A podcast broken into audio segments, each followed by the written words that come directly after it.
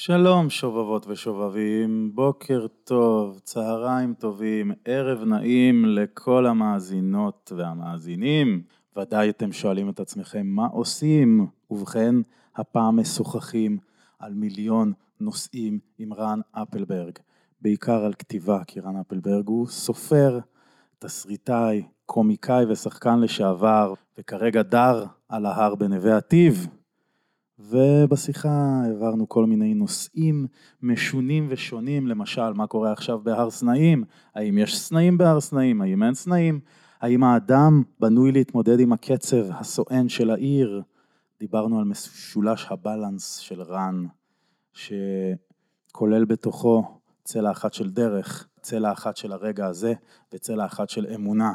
כנסו לזה, זה מעניין. דיברנו על לאהוב בעדינות כמו עץ הדובדבן, ולא היה לזה הסבר או פשר, אבל זה היה מצחיק, ולכן זה גם הופיע בהקדמה. אז אני בטוח שאעשה בעתיד עוד פרקים כאלה מצחיקים וכיפים עם רן, ואני מקווה שאתם תהנו כמו שאני נהניתי להקליט. וזכרו, אהבו בעדינות כמו עץ הדובדבן. מה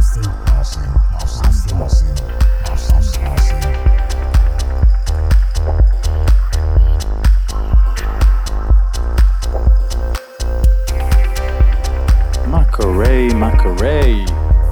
שלום וערב טוב, כאן מקיבוץ דן. ומה עושים הערב? מה עושים איתנו רן אפלברג? בא לבקר אותי מההר הגבוה אשר בנווה עתיב. שלום, רן. יואו יואו, מה קורה? דניאל. אה, ממש טוב, נשמח ש... לדבר לתוך המיקרופון, אתה אומר. בדיוק. כאילו אם אני מדבר אל הווילון, זה משהו אחר. פחות קולטים אותי, כן. מדבר לבקבוק פה של הבירה, גם לא. אל המיקרופון. בדיוק. אתם הדור הצעיר, תאמין לי, יש לכם דברים שלכם, שזה מטורף. תקשיב, לא כזה צעיר ממך. אתה יודע, אבל זה טוב. יש לי, יש לי זקן לבן, אז אני יכול להתנסה על אנשים. להעמיד כן. פנים שאני זקן יותר. ממש, אבל זה כאילו, אתה מוריד את הזקן, זה משהו אחר. שזה אני עם זקן. אנשים מקשיבים לך, כששמתי לב אם יש לך זקן לבן, אנשים לוקחים אותך ברצינות. שנייה שאתה מוריד את הזקן, אנשים אומרים, מה הוא רוצה מאיתנו, וואו. הבן אדם הזה בלי הזקן, כאילו האמנו לו, האמנו לו, קנינו את מה שהוא אומר, תוך כדי שהיה לו זקן, אבל עכשיו, זהו, נגמר. אז אה, אתה... טפס אל ההר, טפס אל ההר, אתה בלי הזקן שלך. בוא נזכר איך נפגשנו. אני, לפי דעתי יואב סיפר לי עליך, יואב אה, עלימי ידידנו כן. גם מההר, אבל עוד לא נפגשנו, ויום אחד אני הייתי רץ שם הרבה על נכון, ההר, ואז נכון. הייתי רואה אותך תמיד עושה מדיטציות עם הכלבים, או נכון. הולך למעלה, אתה למעלה, אני ראיתי למטה. אותך עולה, מזיע, בלי חולצה, רץ, בקור ובגשם, והאמת, כן. אני חושב שפגשתי אותך, כבר היה קר, כאילו, ורצת שם. הי- הייתי אוהב. לצאת בקור. כן, שזה נראה לי מפחיד מאוד, בן אדם רץ בתחתונים עם נעלי ספורט על ההר, וגם נהנה מזה, כאילו, הכל. אני הייתי זה הטריק. 16, 16 שכ- ש- ש- ש- ש- שכבות, שכבות, עם, אה, עם אה, עם צעיף, עם כובע וזה, ואתה רץ בלי חולצה, אומר, איזה כיף, איזה כיף, איזה כיף. הייתי מתחבר, מתחבר לשמיים. הייתי גם בתקופה שגיליתי את ווים הוף, הייתי בשיגעון עליו. מה זה? ווים הוף זה הסוג של מנטור אה, שוודי או נורבגי. שהיית שומע הקלטות שלו. בשוודית והיית מנחש מה הוא אומר, כאילו, לא, ואז... הייתי עושה איתו תרגילי נשימה, שהוא עושה את זה אה. מדהים. full in, letting go. now, full in, tingling sensation, it's all okay. ואז אני וירון היינו מתחילים לעשות עליו בדיחה. You don't feel your body, it's all okay. You're about to die, it's all okay. everything is okay, כי אתה, הוא מכניס אותך או לתרגילי נשימה, שאתה כבר מגיע להיפרוונטילציה, ועשית פעם rebirthing? עשיתי לא מזמן rebirthing, עשו. מטורף, היה נכון? מאוד נחמד. כאילו, אני חושב שהגבתי לזה בצורה מוזרה, בעיקר צחקתי כל הזמן. אה, לך יצא צחוק. אה, מלא צחוק. וואו, צחוק. איזה כאילו, כיף. גיליתי שפשוט, עם- האמת שבזמן האחרון אני מרגיש שיותר מדי כאבים נעלמו לי מהחיים, שזה מאוד גרוע לבן אדם כותב. יש שם רק צחוק, ואנשים לא מעוניינים שתהיה מחוייך ושמח, זה אחד הדברים הגרועים ביותר, זה להחליף מקצוע, זה פשוט ככה, אני לא יודע. למה? אני דווקא חושב, הייתי מדבר על זה הרבה עם הלקטורית שלי, תמר, שדווקא חסר אה, צחוק בספרות הישראלית. שוב, אני לא, אני, כאילו אני מדבר על שמחה. עזוב רגע צחוק, צחוק זה הומור וכאלה, זה כבר נושא מאוד מורכב ורציני, אבל אה, ברגע שאתה יותר מלא שמחה והכל סבבה, זה אני חושב שאחד הדברים הגרועים ביותר שיכולים לקרות לכותב, כאילו אנשים, כן, אתה אומר להם, חבר'ה, בוא נשמח, יש לי כל מיני טכניקות, מי אתה תימהוני שכמוך, ואיפה איפה הזקן שלך? אתה רוצה לדבר איתנו על שמחה? שים זקן, כאילו. שים זקן. אז, אה, אז כן, אז אה, זה קשה יותר. אז אני משתדל לדק, לדכדך את עצמי לפעמים. באמת, לאחרונה אני כאילו בבית אומר, אולי אתה, בוד... אולי אתה בודד, אולי חסר לך מישהי, עכשיו חסר לך משפחה, ילדים, תראה, לא השגת כלום עם עצמך. אני עומד ונוזף בעצמי עד שלמדתי להפסיק לעשות את זה. במשך שנים המללתי את עצמי, אז אמרתי, תפסיק עם הקול הזה בראש, עם הקול המרושע הזה, די איתו. ואז נהיה שמח, ועכשיו אני מחזיר אותו בגלל וואי. שמרוב שמחה, אתה יודע, אנשים צריכים קצת כאב. אתה אפס, אתה אפס, מי אתה בכלל? מי אתה יושב על ההר, תימהוני שכמוך? טמבל, לא יהיה לך אף אחד, אף אחד, אידיוט. ואז אני הולך לכתוב משהו. מה המורה הרוחני המדומיין היה אומר על זה? מורה הרוחני כבר הרים ידיים כנראה, כאילו ממני. לא, תשמע, זה, כשאתה כותב אה, ספרות, אני חושב, אם אני כותב קטעים רוחניים, או קטעים, אתה יודע, שאני קורא לזה מנטליים, כאילו לשפר את ה mind, שהמוח שלך חושב, אז זה סבבה.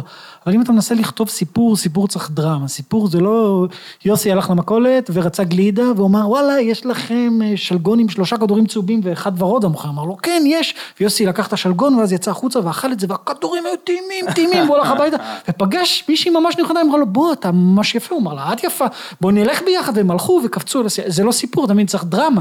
הוא הלך, הוא. רצה, הוא רצה גלידה, אבל אין גלידה, המוכר אין אומר, תשמע, כסף." אין גלידה, יש עכשיו אה, קורונה, לא, המשאית לא הגיעה, ואז הוא אומר, אני אסע לתחנת דלק, הוא מנסה, דורסים אותו בדרך. הוא אומר, אני לא אוותר, פגעו לי ברגל, יש לי חצי רגל, אני בקושי אזחל עד לתחנה, אזחל, והוא לא מוותר, והוא כמעט מוותר, ומגיע אליו קול, הוא אומר, אתה, אתה תשיג את הגלידה הזו וזה ישפר את כל חייך, והוא מגיע, גוסס לתחנה, והמוכר הדרוזי אומר לו, איזה גלידה אתה רוצה, ונותן לו, אבל... אתה יודע, ככה זה סיפור, אתה צריך. דרמה, כן, בדיוק. אתה צריך דרמה. שמחה, שמחה לא מוכרת ספרים, שמחה זה... כן, הקלאסיקות הכי גדולות זה עצב גדול. תאר לך חטא ועונשו עם שמחה. אוי, מי זו בעלת בית החמודה הזו שגרה מתחתיי? אולי אני אביא לה פרח, זהו, נגמר הספר. אתה מבין? ככה, מי שלא מכיר את החטא ועונשו, שלא קרא את התקציר כמוני. יש אני לי חבר שאומר לי, תקרא את הספר כבר, תקרא, אתה חייב לקרוא את זה, אני כל הזמן מתחיל אני לקרוא אותו קראתי, אבל וחוטף מי דיכאון. זוכר? מי זוכר?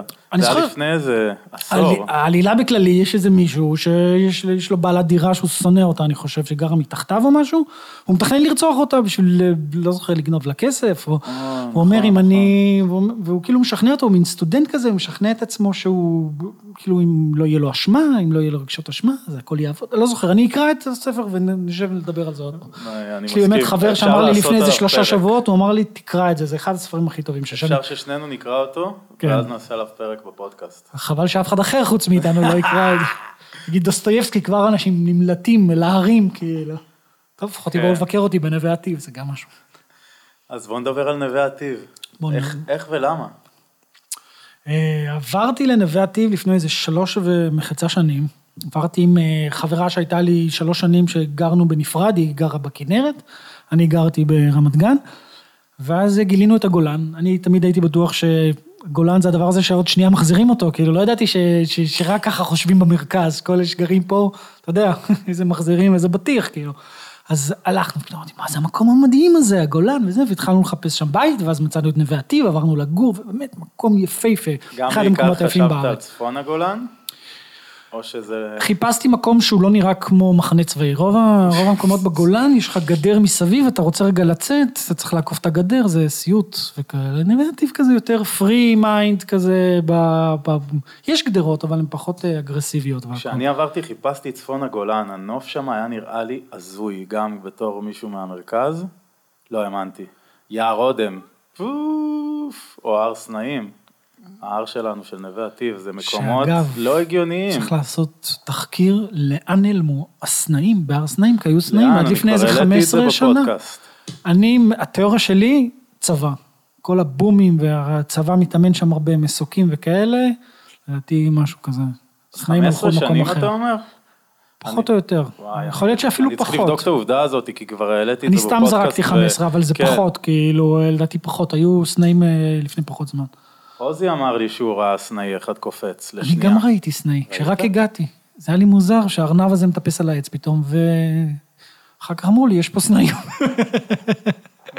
וזו הפעם היחידה שראיתי סנאים, אפילו לא ידעתי. יואו. עצוב, אה? שיכלו להיות לנו פה סנאים בארץ. היו הרבה חיות שנעלמו בצפון. סנאים ודובים. מה לעשות, יש צבא, צבא צריך לשמור על השטח, חלק מהעניין של הצבא שהוא שומר על השטח זה לגלח את כל השטח. כן, הם בנו שם גם את הציר הזה, הם הפכו אותו לציר כן. רציני, אני זוכר שהם... חזרתי לא מזמן והם עברו שם עם טרקטור, יצאו שם... עכשיו הוסיפו עוד אחד, כי לא מספיק הציר הזה, הם עברו, פתחו עוד ציר. למה עוד. לא? כי הם יכולים.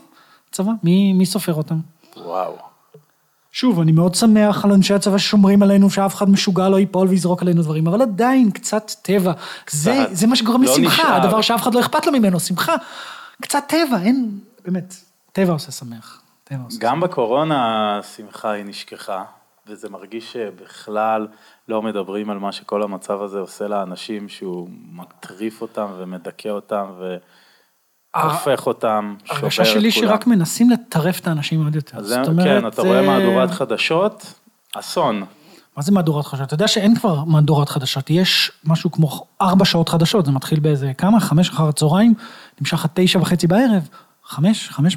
ארבע וחצי, חמש שעות, כן, כאילו, מלא זמן חדשות, זה אחת התוכניות הכי מצליחות, ואז היא חוזרת בעוד פעם ב-10 וחצי, או ב-11 או ב-12 בלילה, יש לך עוד פעם חדשות כזה, ויש לך את כל הסדרות בת של חדשות, מפגש עם ההוא, בוא נדבר על אין כלכלה, בוא נדבר על אין זה, בוא נדבר על לא הלכתי לפגוש שום דבר בגלל שהכל סגור, אתה יודע, יש מלא תוכניות של אין חדשות, והן פשוט מדכדכות את הנשמה, האנשים שם עושים כסף מלייאש אותנו, עכשיו הם ניסו פעם אחת להגיד בוא נעשה חדשות שמחות, בוא נספר על דברים הם נחמדים. עושים בסוף החדשות one happy thing, מין איזה תמה. כזאת, משהו אחד טוב שקרה, וזה זה בדרך כלל זה מישהו שמתנדב ועוזר לכל מיני נזקקים, שזה גם ככה מראה לך כמה חרא, כן. אבל מהנקודה הטובה של החרא הפעם. כן, כן. חדשות טובות לא מוכרות. עשו אני חושב איזה ניסוי פעם עם עיתונים כאלה, לפני הרבה שנים, קראתי את זה איפשהו, לא זוכר כלום, אז אני זה אמציא תוך מתאים כדי. לתיאוריה הספרותית שלך גם.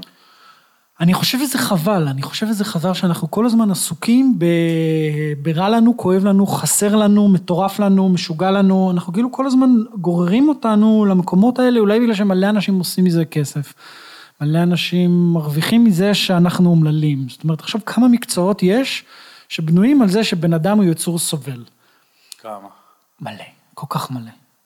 אני לא רוצה? להעליב אף אחד, כי בטוח יש פה איזה כל מיני אנשים שבאים לעזור לאנשים, שישמעו את זה ויגידו, "אה, עכשיו מדבר עלינו והכל. אבל קח את, הכ- את הכלבים שלי, שאני תמיד לוקח את הכלבים שלי בתור דוגמה לאיך צריך לחיות באמת. עכשיו, הכלב שלי נגיד מגיע אליו קואוצ'ר, אומר לו, קח עם עצמך, תעשה משהו. מי מגיע אליו? קואוצ'ר, כן, אומר לכלב שלי, היי, יואו, אה, סולי, תעשה עם עצמך משהו. וסולי מסתכל עליו, הקקתי כבר את הביצים, הכל בסדר. לא, תעשה משהו, סולי. קח את עצמך בחיים ותעשה משהו. והוא מסתכל על הכלבה השנייה, על טשה, אומר לה, מה, מה האיש המוזר רוצה, כאילו? היא אומרת, תלקק שוב את האשכים, אני לא יודעת, תעשו משהו. תפסו את החיים. עכשיו, כשמישהו בא ואומר לך, תפסו את החיים שלכם, ישר אתה אומר, מה עשיתי עם החיים שלי? לא תפסתי אותם, כן? אתה נכנס לדרמות. אם אף אחד לא היה אומר לך, תפוס את החיים שלך, הכל היה סבבה.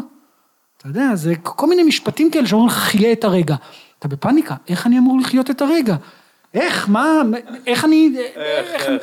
מלא דברים, כל ה, אתה יודע, שלל כדורים אה, פסיכיאטריים, ש- או בשמם השני סמים, יש לי חבר שמעשן עכשיו, אבוי. עכשיו הוא קיבל גראס רפואי, מערבב את זה כל הסמים הפסיכיאטריים שיש לו, הוא אומר, חיים טובים, הוא היה לא מזמן בבית חולים, כמעט מת, אה, נתנו לו, אה, גם סיממו אותו עם שם, מה זה היה, מורפיום. הוא אמר, תקשיב, רן, זה מעולה, רק רציתי להישאר שם, אמרתי לו, אתה נרקומן, בן אדם, כאילו, אתה נרקומן.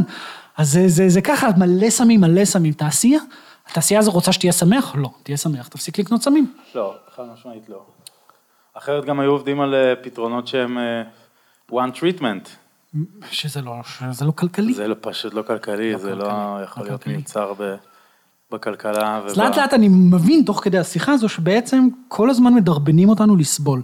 לדוגמה, אם קשה לי עכשיו בגלל הקורונה רגע, ואני בוא פותח נגיד, זה חדשות, לא שהם- אז גם, אבל אז זה גם, לא שהם עושים את זה כאילו, אולי יש איזה קודקוד אחד שכן אומר אני אעשה את החדשות העצובות, אבל זה גם בא ממה שקורה להכי הרבה קשב מהציבור.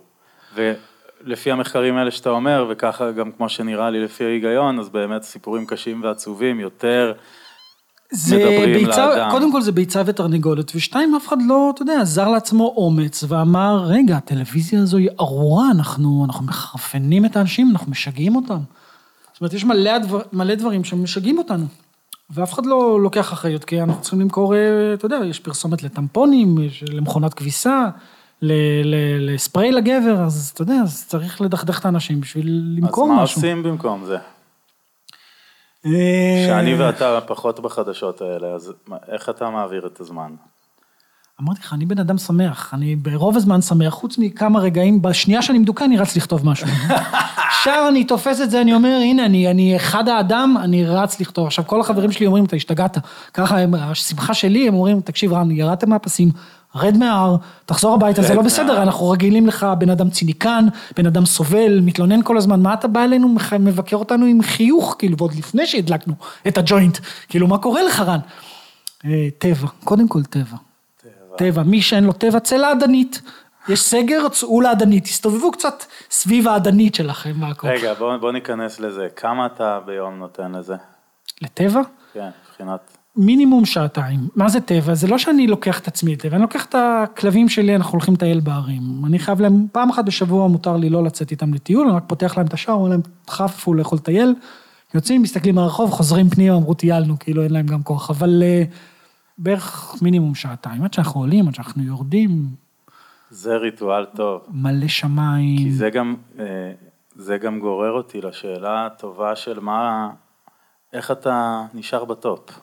מה אתה עושה, איזה תרגולים ברמה יומיומית, שבועית, חודשית, אתה מאונן 15 פעם ביום, לא, סתם. אמ, אני, קודם כל, אני לא חושב שאני בטופ, אני חושב שאין כזה דבר להיות בטופ. כן, אני יודע שאין, אה, כשאתה בטופ, זה אומר שאתה בדרך למטה, אז אני כאילו... אני משאיל את השאלה הזאת מהסדרה משיח, שהוא אומר, כדי להיות בטופ, אתה צריך לעשות שלושה דברים. להיות אודי כגן, כן, גאון קומי. איזה בן אדם ממש מוכשר. מצחיק. זה מוכשר. אם הדבר הייתי שהכי עדיין מצחיק קומיקאי, הייתי אותי. מקנא בו, אבל אני כבר לא, אז אני כבר לא מקנא אה, בו. אתה אחד מהכובעים קומיקאי לשעבר, אני לא הזכרתי את זה לשעבר, קומיקאי בהתחלה. לשעבר. למזלי, עזבתי לפני שאודי כגן הגיע, כי אם לא, באמת הייתי שונא אותו. איש יותר מדי מוכשר לטעמי, באמת. הוא גם מצחיק בטירוף, הוא גם כותב טוב, הוא... לא, אבל יודע במשיח היא. היה גאונות, פשוט הדמות הזאת היא כל כך טובה. היא לא, לא, אני לא מכיר עוד משהו בטלוויזיה כזה טוב. משיח.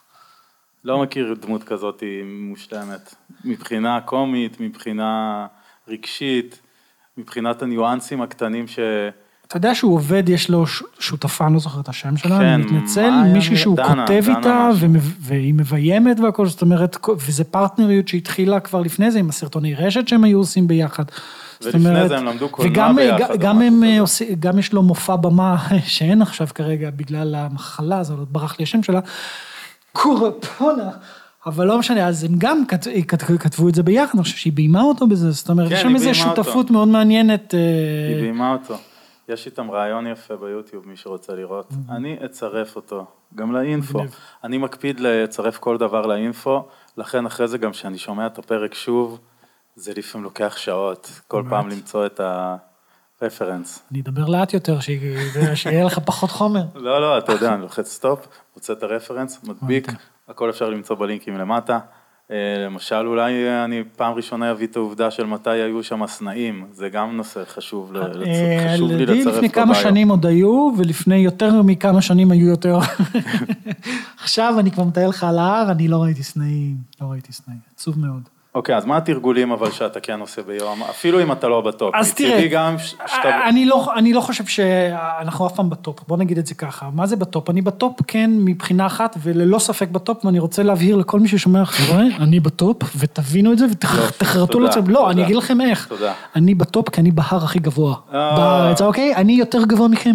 כשאני מטפס שם מעל נווה מכם. אני יותר גבוה מירושלים, יותר גבוה מצפת, אני בטופ. אז זה הדרך היחידה שלי לשמור על הטופ, זה כל יום אני עולה על ההר, זה הדבר היחידי שאני יכול להגיד, להירגע ולהגיד, חבר'ה, אני בטופ. חוץ מזה, קצת פחות. ככה זה, אבל... זה אה, אומר שאני גם הייתי בטופ שנה שלמה. היית בטופ, אבל רצת, אתה היית טיפה על. הטופ, רצת וחזרת, אני הייתי יותר זמן כי הלכתי. אה, הייתי יותר זמן ממך. בטופ וגם ישבתי, עשיתי מדיטציה, אתה רק רצת ורצת, אני. ביליתי יותר זמן בפסגה.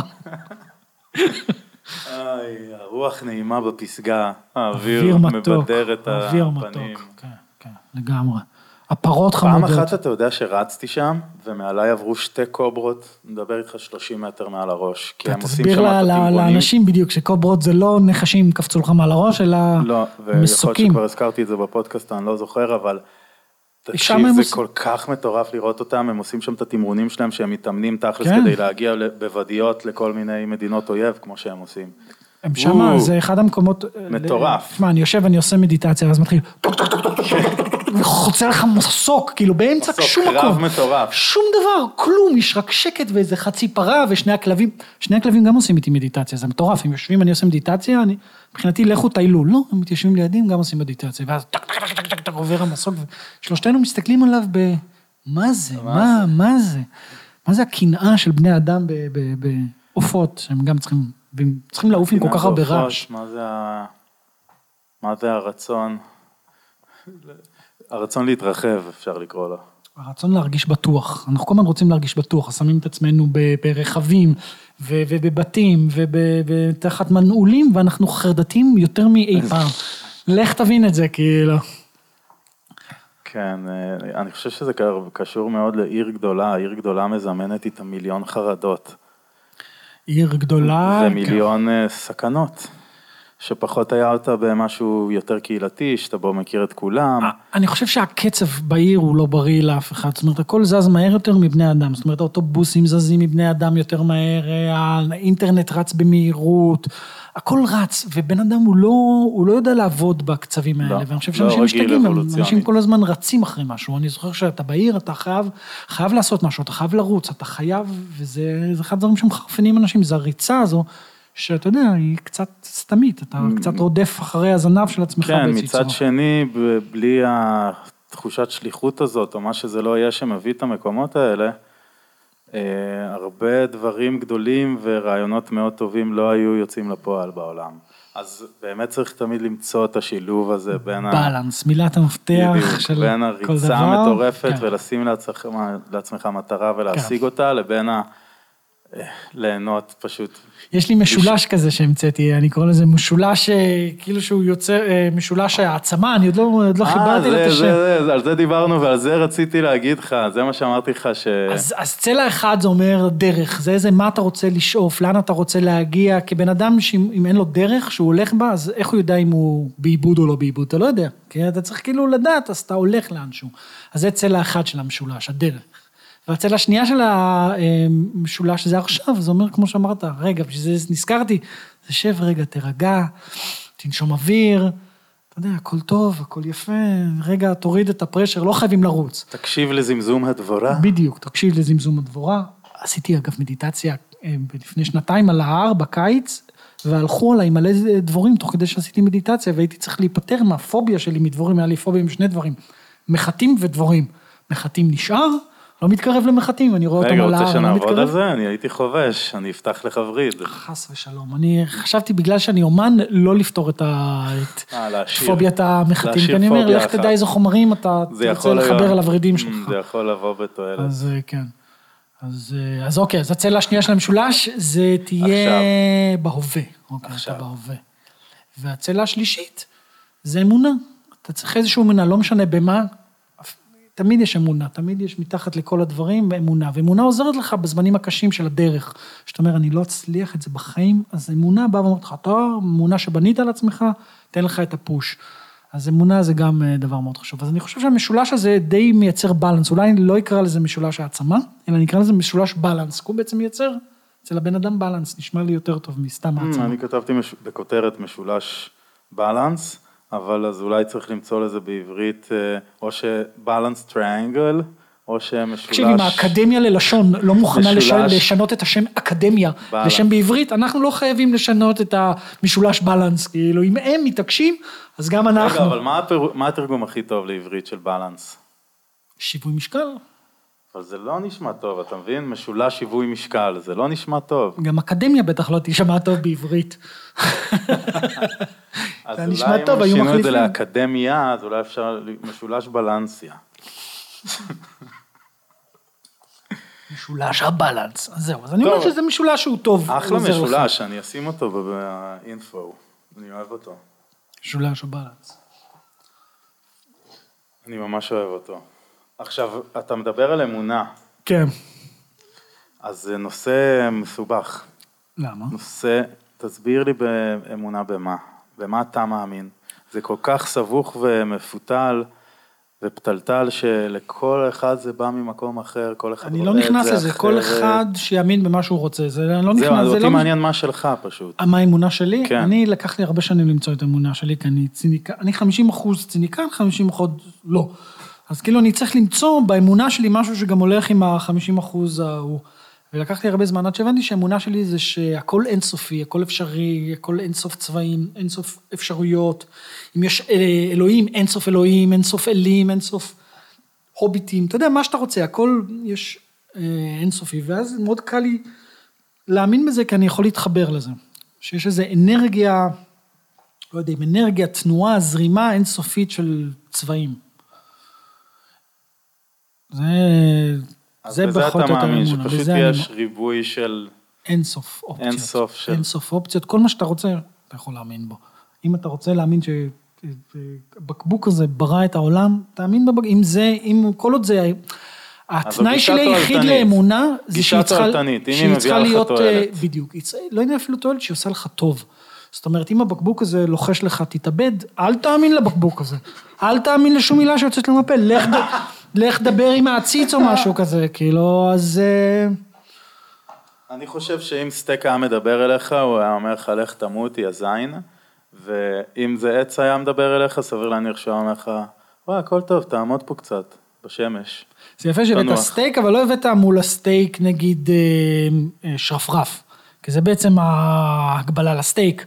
לא, ההגבלה היא כאילו מוצרים מן כס- החי לעומת מוצרים מן הצומח, אתה מבין? אתה אומר שהמוצרים של. העצים יותר נחמדים מהמוצרים של הבשר? תקשיב, הבשר, אתה חושב שהעץ רוצה שיעשו ממנו שרפרפים? אתה, בגללך הרגו אותו, בגללך הוא סטייק עכשיו. והדלת הזו שאנחנו יושבים לידה היא לא... אה, אתה חושב שהעץ רצה שיהפכו אותו לדלת? הוא אמר, היי, מה, מה אני אעשה? שישימו אותי בקיבוץ בדלת. אני לא חושב, אבל אני חושב שהיה לו פחות מערכת עצבים בשביל להבין את זה. כל המחקרים שהיום יש, שאני לא מכיר אף אחד מהם בשום צורה רצינית, אבל ככל שיש יותר ויותר מדברים על אה, מערכות רגשיות מטורפות של צמחים. זאת אומרת, שהם, איך שהם מתקשרים ביניהם. כן, עדיין. אבל אין לו מערכת עצבים מרכזית ומוח, כמו לפרה. יש לו מוח אחר. יש בן לו... אדם תמיד משווים את המוח, אומרים, אבל לקוף אין נכון. מוח של אה, חגב. נכון, אה, חגב יש מוח של חגב. מוח של קוף זה, ולנו יש מוח, כאילו לא צריך להשוות, לכל אחד יש את המערכת שלו שמתפעלת אותו. תחשוב שעץ כן יכול להיות מאות להשוות. שנים, לשבת באיזשהו מקום מאות שנים ולהסתכל, והוא כן בתנועה, והוא כן זה, לך תדע כמה חכמים יכולים להיות עצים. הם בטוח חכמים, ולכן אמרתי שהם יגידו לך, תעמוד קצת בשמש, תירגע, יש תנוח. מצב. למרות שפעם אחת לקחתי פטריה באמסטרדם לפני איזה 20 שנה, ואחד החוקים ששמעתי ממש קול בראש אומר לי, תיזהר, אל תדבר עם העצים, הם ישגעו אותך. וואי. עצים זקנים, הם חכמים מדי, תיזהר מלדבר איתם. לי היה חוויה הפוכה, אה, לקחתי כדורים כאלה שנקראים LSA, שזה איזה צמח שצומח בהודו חופשי, ואומרים שהוא כמו אסיד של הטבע. נייס. אתה מקלף את הגרגירים ואז אוכל איזה חמש מהם, ו-you enter a world full of presents, משהו כזה. היינו שלושה חברים ושמענו מוזיקה ביחד ופתאום היא נפסקה ואז הפעלנו אותה, אה, הפעלנו אותה מחדש טלפתית, אה, קיבינו אש טלפתית, הדלקנו אותה מחדש טלפתית, היה שם קטע פסיכי ואז זה כאילו כבר עלה לי יותר מדי הנוכחות. יצאתי החוצה וידעתי מה אני צריך לעשות, וזה לחבק עץ כדי שהוא יוריד את כל העומס, והרגשתי את השאיבה, משך את זה למטה, ואז כאילו יכולתי לחזור חזרה ל... ל... לסביבה. יצורים קסומים עצים, אני מאוד מאמין בזה.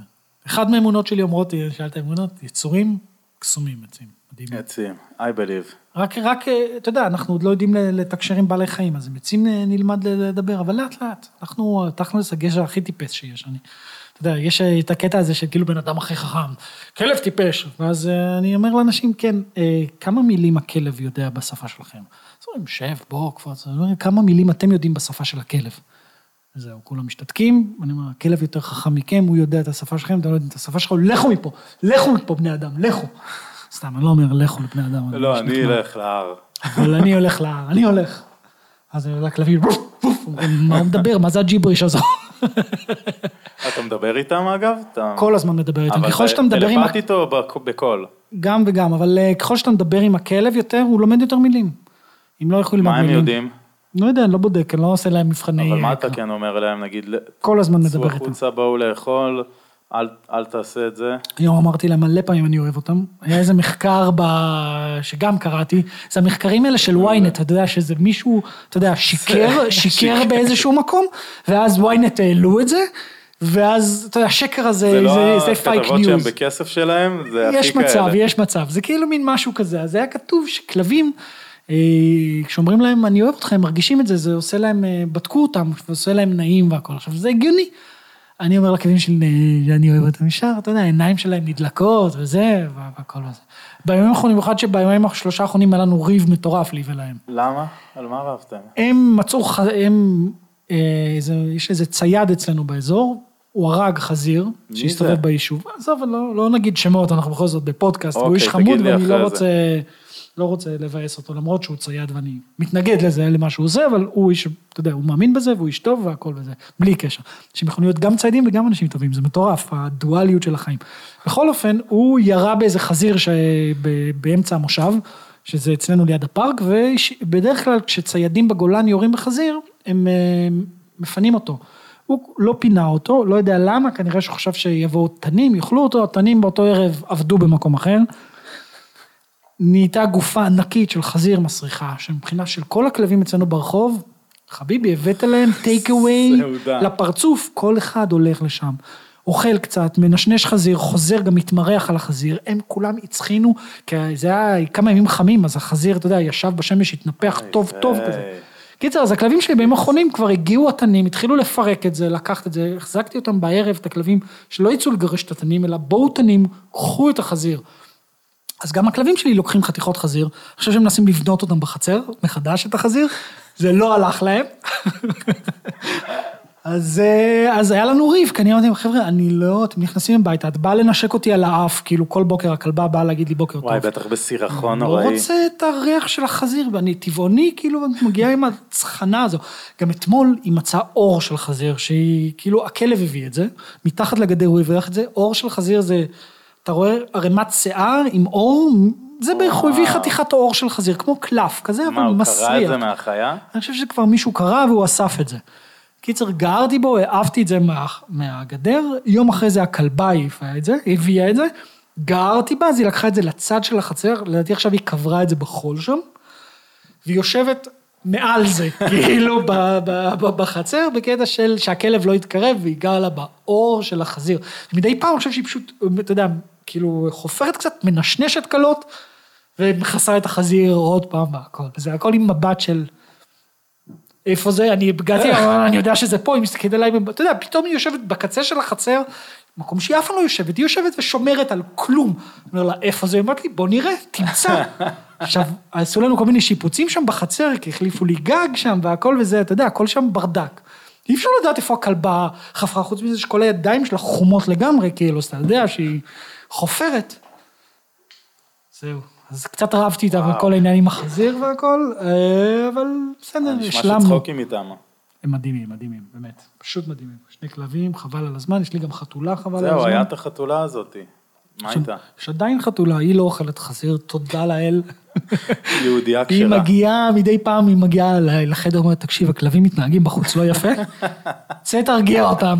כאילו גם כל אחד מלשין על אחד אחר, נגיד, הכלב הקטן נמלט מתחת לגדר, נמלט. יצא מתחת לגדר בשביל להביא חתיכה של חזיר.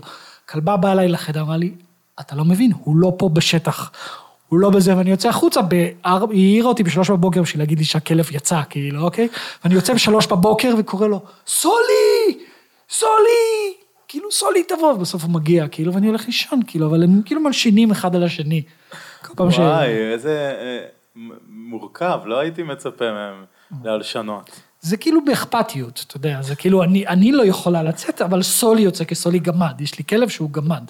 נמוך קומה, מאותגר קומתית, הוא קטנצ'יק. באמת, כנראה הוא נולד ככה. אז הוא יכול להזדחל מתחת לדברים והכל, ו...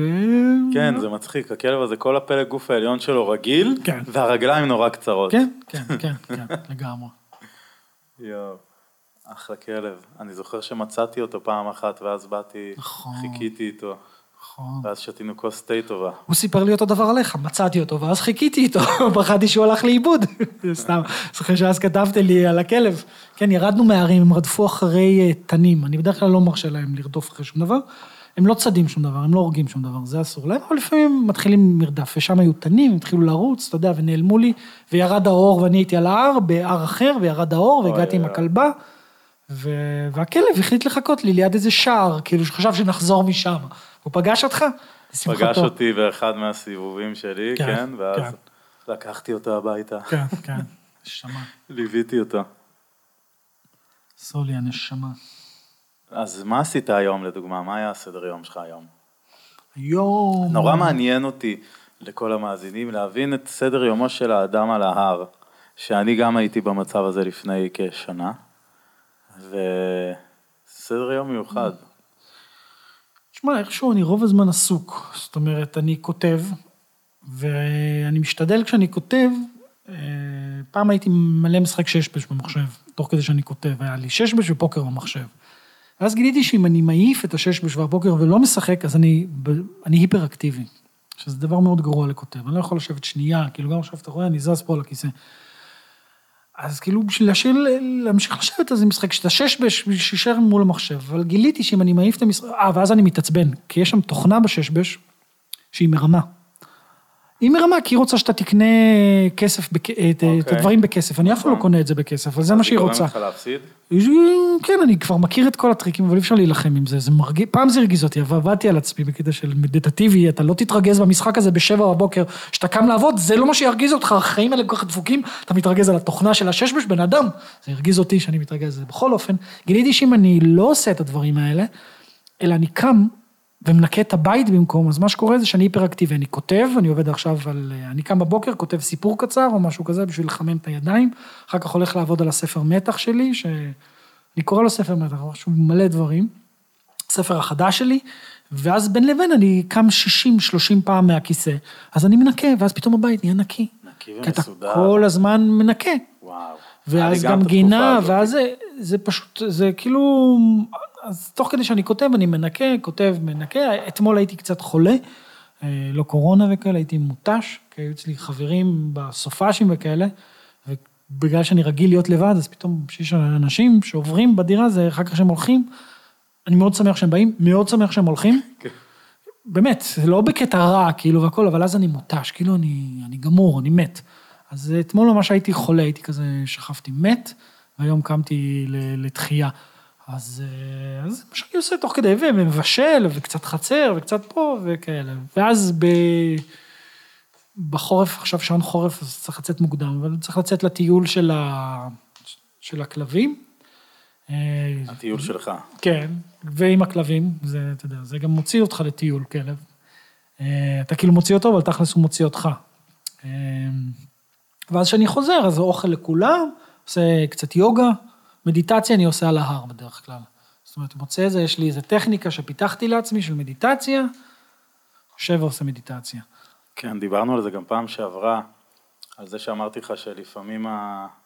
זה מרגיש יותר מדי זמן, 20 דקות, וזה, אה, וזה מגביל אותך, כי אז אתה אומר, אני כבר לא אעשה בגלל שזה ארוך, אז עדיף לעשות אולי כמה דקות. קצר, אני, יש לי מדיטציה שיכולה להיות שלוש דקות, חמש דקות, שבע דקות. תכלס, שב דקה זה יעשה לך טוב. זה לא, זה לא עניין של כמה זמן משמעית, אתה עושה את זה, משמעית. לרגע תעצור, תבין שאתה רץ, תבין את כל המחשבות המטורללות שרצות לנו בראש, תן להם, רק תראה אותם מולך, ורגע תרגיע אותם, תסתכל על העץ, תגיד, וואי, איזה יופי, כי בדרך כלל אנחנו יכולים לשבת באמצע הטבע, ואנחנו נהיה עסוקים בה, הוא עצבן אותי, זה אמר לי ככה, היא זה, פלירטטתי איתה, למה היא לא חוזרת אליי, למה זה אמר לי ככה, למה זה, היא אמרה, בא, בא. זאת אומרת, שב, תראה איזה יופי, יש תכף שקיעה, אתה יודע, הכל מקסים, ואתה אתה לא רואה כלום, אתה לא רואה שאתה בטבע, מרוב שהמוח שלך קודח. קודח. אז, אה, וואו. אז מדיטציה בעצם זה, זה לחבק את הרגע.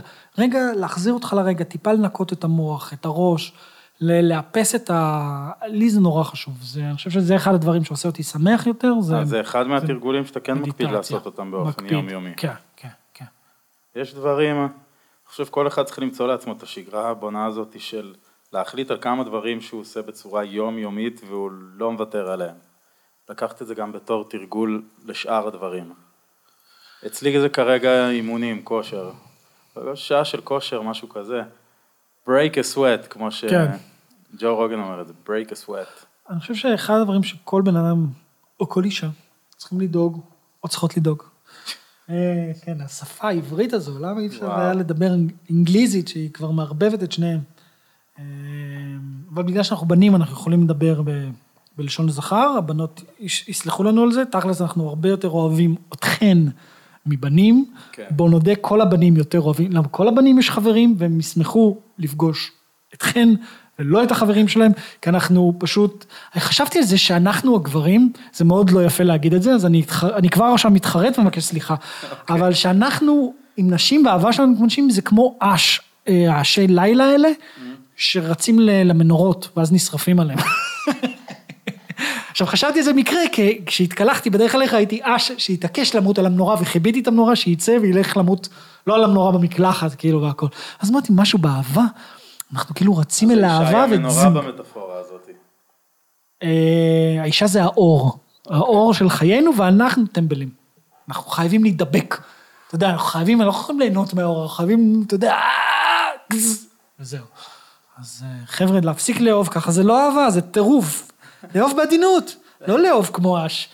תאהב כמו עץ, כמו עץ דובדבן. אני אחר כך אחשוב למה, חכו עד לסוף הפודקאסט, אני אמצא לזה סיפור, כאילו. יופי, או שתשלח לנו סיפור קצר על נשלח, הדובדבן. לעץ הדובדבן. אה, אה, אחזת באיזה אבן טובה. הבאתי אבן. כן, יש לי איזה חיבה לאבנים, תמיד הייתה. זה מההר? לא, פה הבאתי. אה, זה מפה, כן. גם לי יש חיבה קלה לאבנים. זה נראה לי מגיע עם הגיל שאתה מתחיל לאהוב אבנים. אהבתי כל החיים שלי, הייתי אוסף כן. כל מיני אבנים רגילות בכל מיני מקומות. אנשים אומרים לי, למה אתה סוחב את האבן המכוערת הזו הביתה? ואז יש לי, אני יודע, האבן המכוערת הזו, כמה שאני זוכר, זו מהכנרת, זו מפה, זו, כאילו יש לי אוסף אבנים מכוערות שהבאתי אותם מרמת גן לנווה עתיב, שזה לא שוקל להביא ערימה. של אבנים, כן, וגם בנווה עתיב המשכתי לאסוף אבנים. ואנחנו צוחקים על הכלב שאוסף מקלות, כן, אנחנו הרבה יותר טובים, אנחנו אוספים אבנים. הוא אוסף מקלות, איזה כלב טיפש. מה זה, זה? קוורץ. אתה יודע איזה דברים אנחנו אוספים? לכל אחד יש ארונות על גבי ארונות כן, של דברים. מטורף, מטורף. ואז יש את כל השיטות הנפלאות האלה, שפשוט אומרות, זרוק את הארון, תרגיש יותר טוב, וזה עובד. זה עובד, אבל גם עכשיו התחיל להיות ארונות של דברים דיגיטליים באינטרנט שיש לכל אחד. עכשיו. גם לכל אחד יש ארון באינטרנט. מלא תמונות שלא תסתכל על זה שוב, מלא סרטים שלא תראה עוד פעם. מלא דברים. ושהפודקאסט הזה יצא לאור, ולא יישאר באיזה מרתף חשוך, באיזה ענן. לא, ברור שהוא גם למה יצא קוראים לזה לאור. ענן אם זה לא בענן? הבנתי שזה מתחת לים ובמרתפים, אז איך... זה במרתפים קרים, איך בסקנדינביות. ענן? למה לא לקרוא לזה. שמתי את זה במרתף, כאילו, זה מין שקר מטורף, כאילו, אנחנו, כולנו אומרים זה ענן כאילו ואנחנו חושבים מדמיינים. שזה באוויר. נכון, אנחנו זה לא מדמיינים את באוויר, זה הענן, בתוך לא, מחשבים. זה בתוך מחשב, מתחת לאדמה, זה במרתף. כל התמונות שלי במרתף. וכולנו יודעים מה שמים במרתף? רוצחים סדרתיים שמים דברים במרתף, כאילו. ראית את הסרט הזה, הר? הר? שיער אתה מתכוון? לא, לא שיער, היא. כן, ראיתי את זה מזמן, לא? מזמן. שמתאהב בקול, באפליקציה. משהו, כן. בתוכנת הפעלה שבן אדם יכול להוריד לעצמו כן. מזכירה, סוג כן. של, והיא ממש כמו בן אדם, ואז הוא מתאהב בה, ואז זה מתחיל להיות, כאילו, דיברנו קודם על ה gender fluid וכל כן. זה לפני הפודקאסט, אז כאילו זה נהיה דבר סטנדרטי בעולם, שאנשים מתאהבים במערכות הפעלה שלהם, ונהיה להם מערכת יחסים שהיא לא מינית, אבל היא... מינית. אתה יודע, כרגע עוד לא, עוד מעט. לא, אה, היא- היא- היא עוד כן, מעט יש זה שם גם יהיה איזה מינית, אקט- כבר המציאו כל מיני דברים שאתה יש יכול שם לעשות איזה תוך אקט כדי. מיני כלשהו, ובסופו של, טוב, אני לא, spoiler alert, אבל... סרט מלפני עשור דבר- בערך. כן, אבל היא בסופו של דבר כאילו נהיית חכמה מדי, היא מתקשרת איתו ועם עוד איזה מיליון אנשים, לא, היא מההתחלה כזו, פשוט לא ידעה את זה, אני חושב. יש מצב, ואז בסוף הם מצליחים כל התוכנות הפעלה להמשיך ברחבי האינטרנט ולעזוב את, ה, את הארץ, כאילו.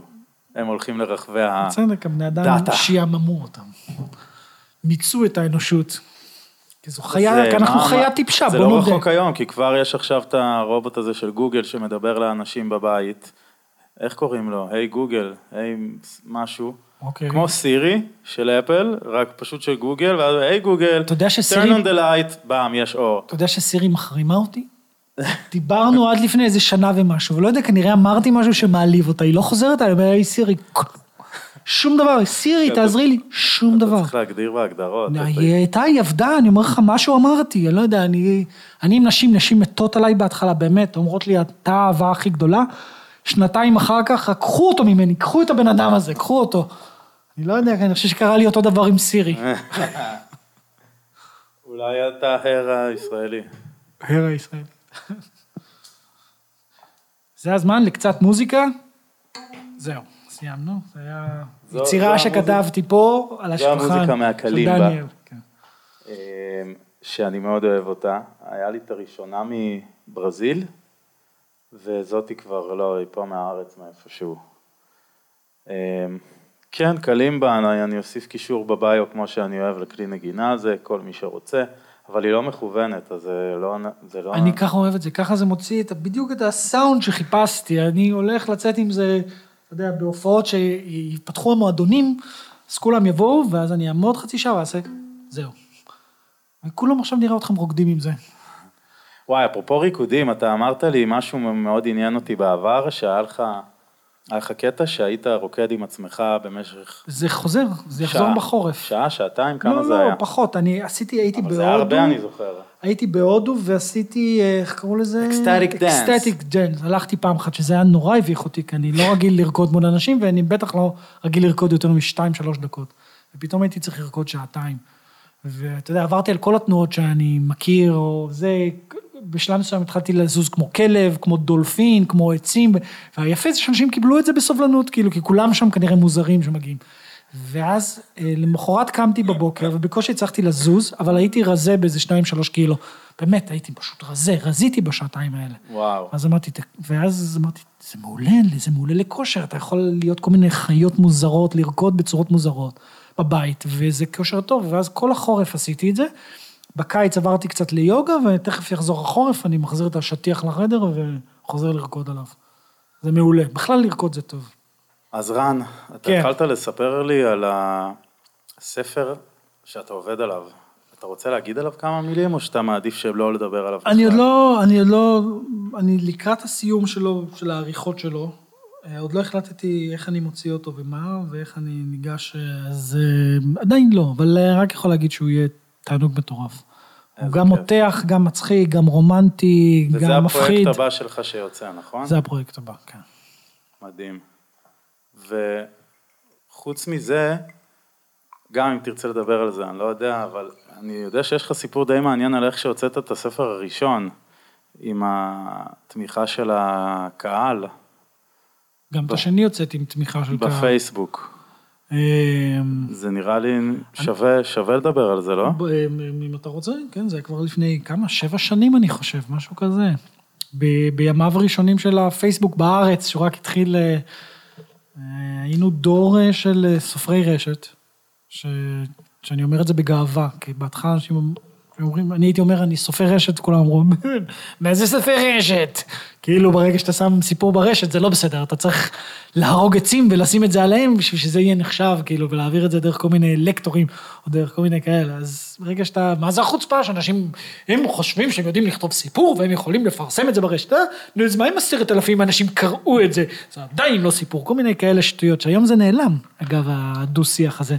כי אנשים, אתה יודע, כמעט רוב האנשים שכותבים היום, גם כותבים, ספ... גם כותבים ספרים, כותבים ברשת, פתאום זה כבר לא בושה, זה בסדר גמור, אה, זה עוזר, אז זה, זה מדהים איך... ה- אז בעבר הרגשת שהיה אנטיגוניזם כלפי זה? היה אנטגוניזם מטורף, מה וואלה. שגרם לי לפריחה נפלאה, בגלל שכל דבר שיש אנטגוניזם, אני, כאילו, אחת מהבעיות שיותר מדי בתקופה האחרונה מחבקים אותי, וזה הורג אותי, אני צריך קצת איזושהי התנגדות, איזשהו משהו.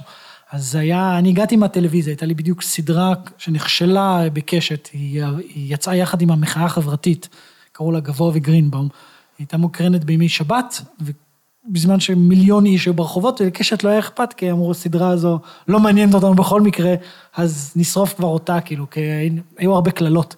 אז מועצת ערוץ 2 הכריחה אותם לשים את זה אחרי 11, שמבחינתם זה, חבר'ה, אין עוד עונה.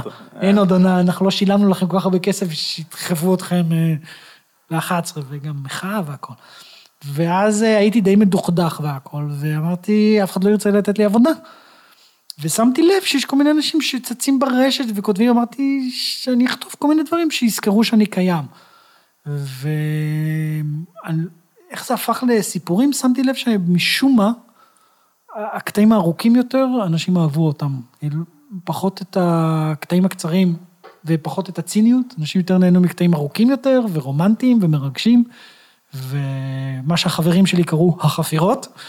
שזה עוד דבר, אם מישהו שומע או מישהי שומעת, אל תקשיבו לחברים שלכם. חברים שלכם לא יכולים לתת לכם עצות לגבי שום דבר שקשור בחיים שלכם, באמת. כל דבר שאתם רוצים לעשות, וחברים שלכם אומרים, זה לא ילך, תלכו על זה, זה ילך. חברים, הם לא, חברים לא לרעתכם, הם פשוט לא רוצים ש... הם לא רוצים שתיפגעו בזה שכולם יבינו מה שהם יודעים, שאתם מטומטמים. אז אל תקשיבו יותר לחברים שלכם בכל הנושאים האלה. אז אני לא הקשבתי לכל החברים שלי שאמרו, מה אתה עושה את כל החפירות האלה? ומדהים שלאט לאט נהייתי אחד מכותבי הרשת אז, לפני שבע שנים, היום, אנחנו, היום הרשת כבר מפוצצת אנשים, אבל אחד מהידועים כאילו, למה כאילו? אחד הידועים, אה, ופתאום חברים שלך מתחילים להתייחס אליך בכבוד, מה שעוד יותר מעליב. אה, בגלל שעכשיו אני כותב אה, סטטוס ומקבל איזה שלושת אלפים לייקים, או ארבעת אלפים לייקים, או 12 אלף לייקים.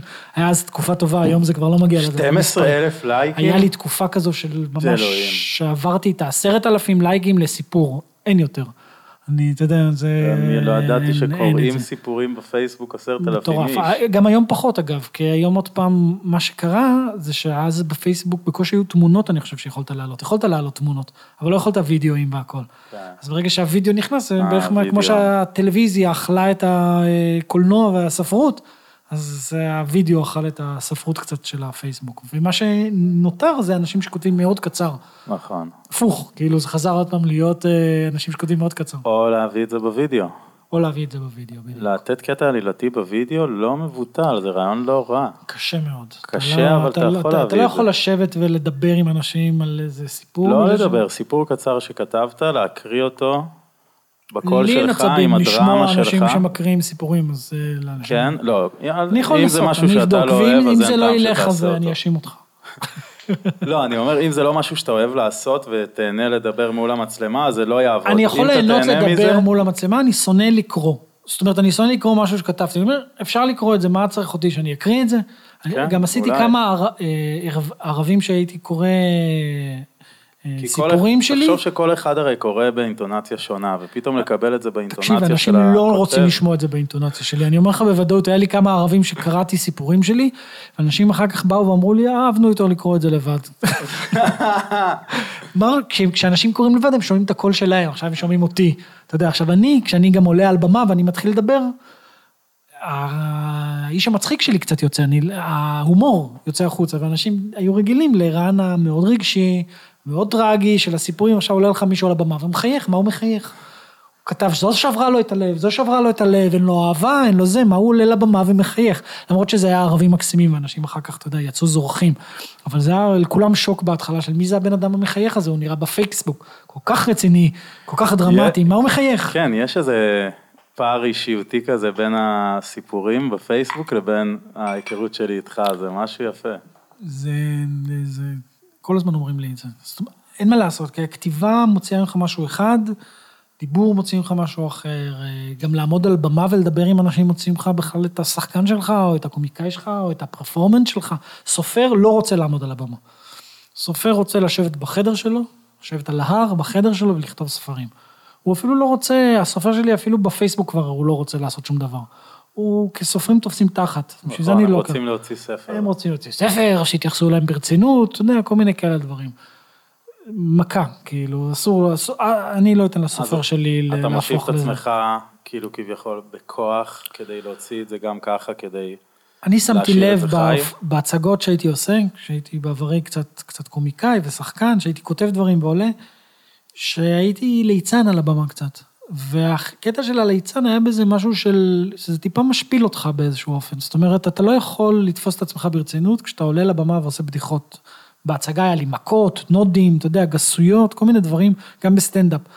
וזה מוצ... זה שומר לך על האגו במקום טוב, כי אתה, כי כשאתה סופר, אז אומרים לך, מה דעתך הפוליטית?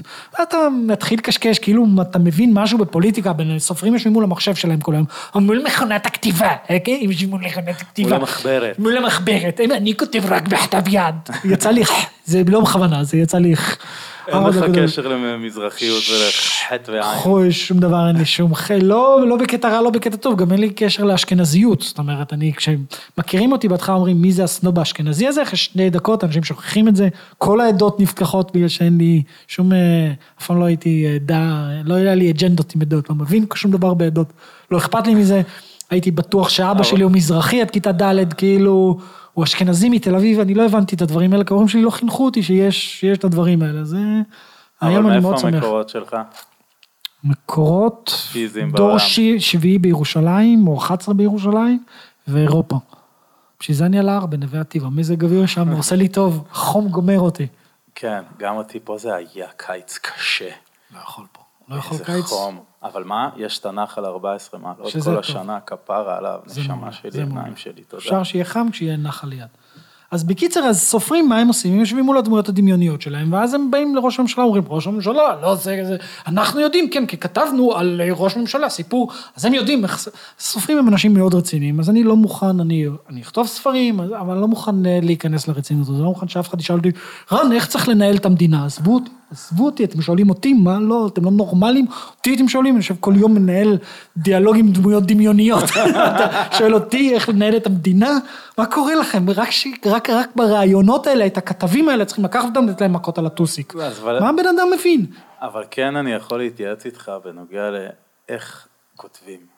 וגם לגבי רגשות, אנחנו, אנשים כותבים מאוד טובים לגבי רגשות, ואיך אנשים מתנהלים, זה כן. גם לא בהכרח, יש מלא כותבים שאר שהרגישות... אנשים זה לא קשור, הם רגישים רק לדמויות שלהם, אבל בדמויות שלהם הם יודעים איך אה, עובדים כן. רגשות אנושיים. מעניין.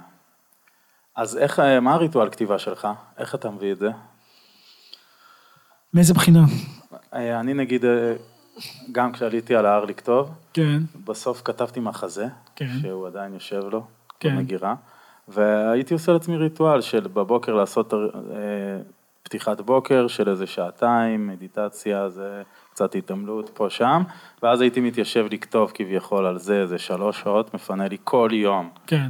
גם אם אה, לא הייתי מצליח לכתוב כלום, אבל הייתי מנסה להביא את זה ככה, כי אחרת לא מצאתי, אם אני לא נותן לזה לו"ז מוגדר, לא, לא, זה לא בא בקלות. אני יושב לכתוב ספר וזה בא לי כל הזמן במוזה בראש, ואני כותב. רוב הזמן יש בספר כמה שלבים.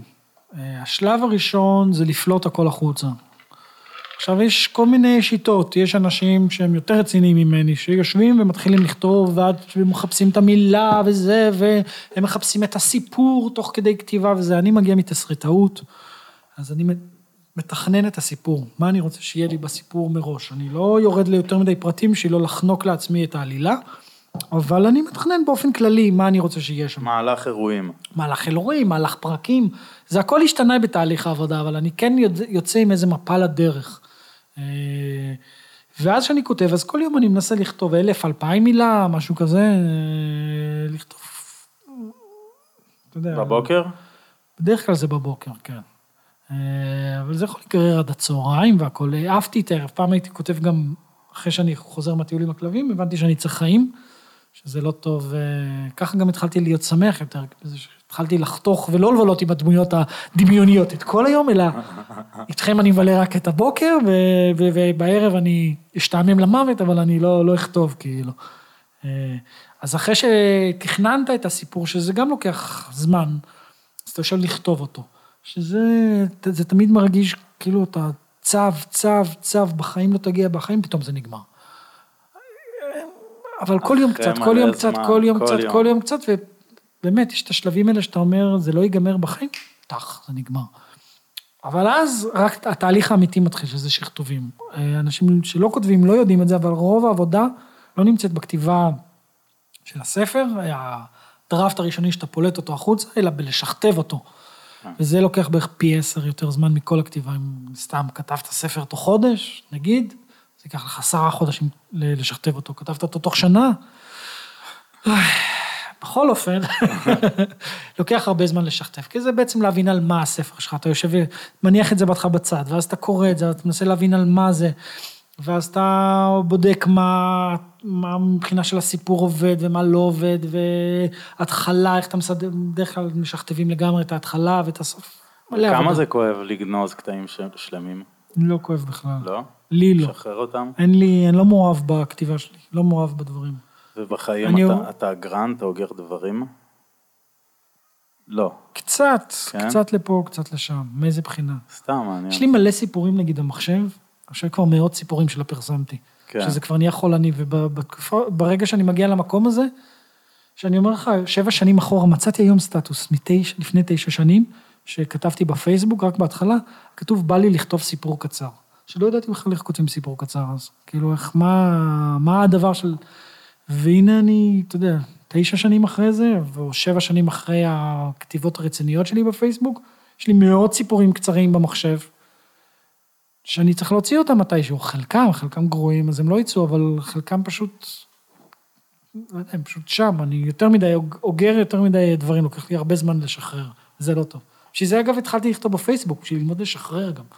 כן, זה מצוין. גם זה, וגם סיפרתי לך מקודם, שהיה לי סדרה, רציתי שיזכרו שאני קיים, אז אמרתי, אני אעלה לעצמי את הלייקים, 140 לייקים למשהו שאני כותב, שזה היה הכי הרבה, רוב הזמן זה היה 15 או 12 אנשים שנידבו לי לייקים, אני אמרתי, אני צריך איזה 90, 100 והכול.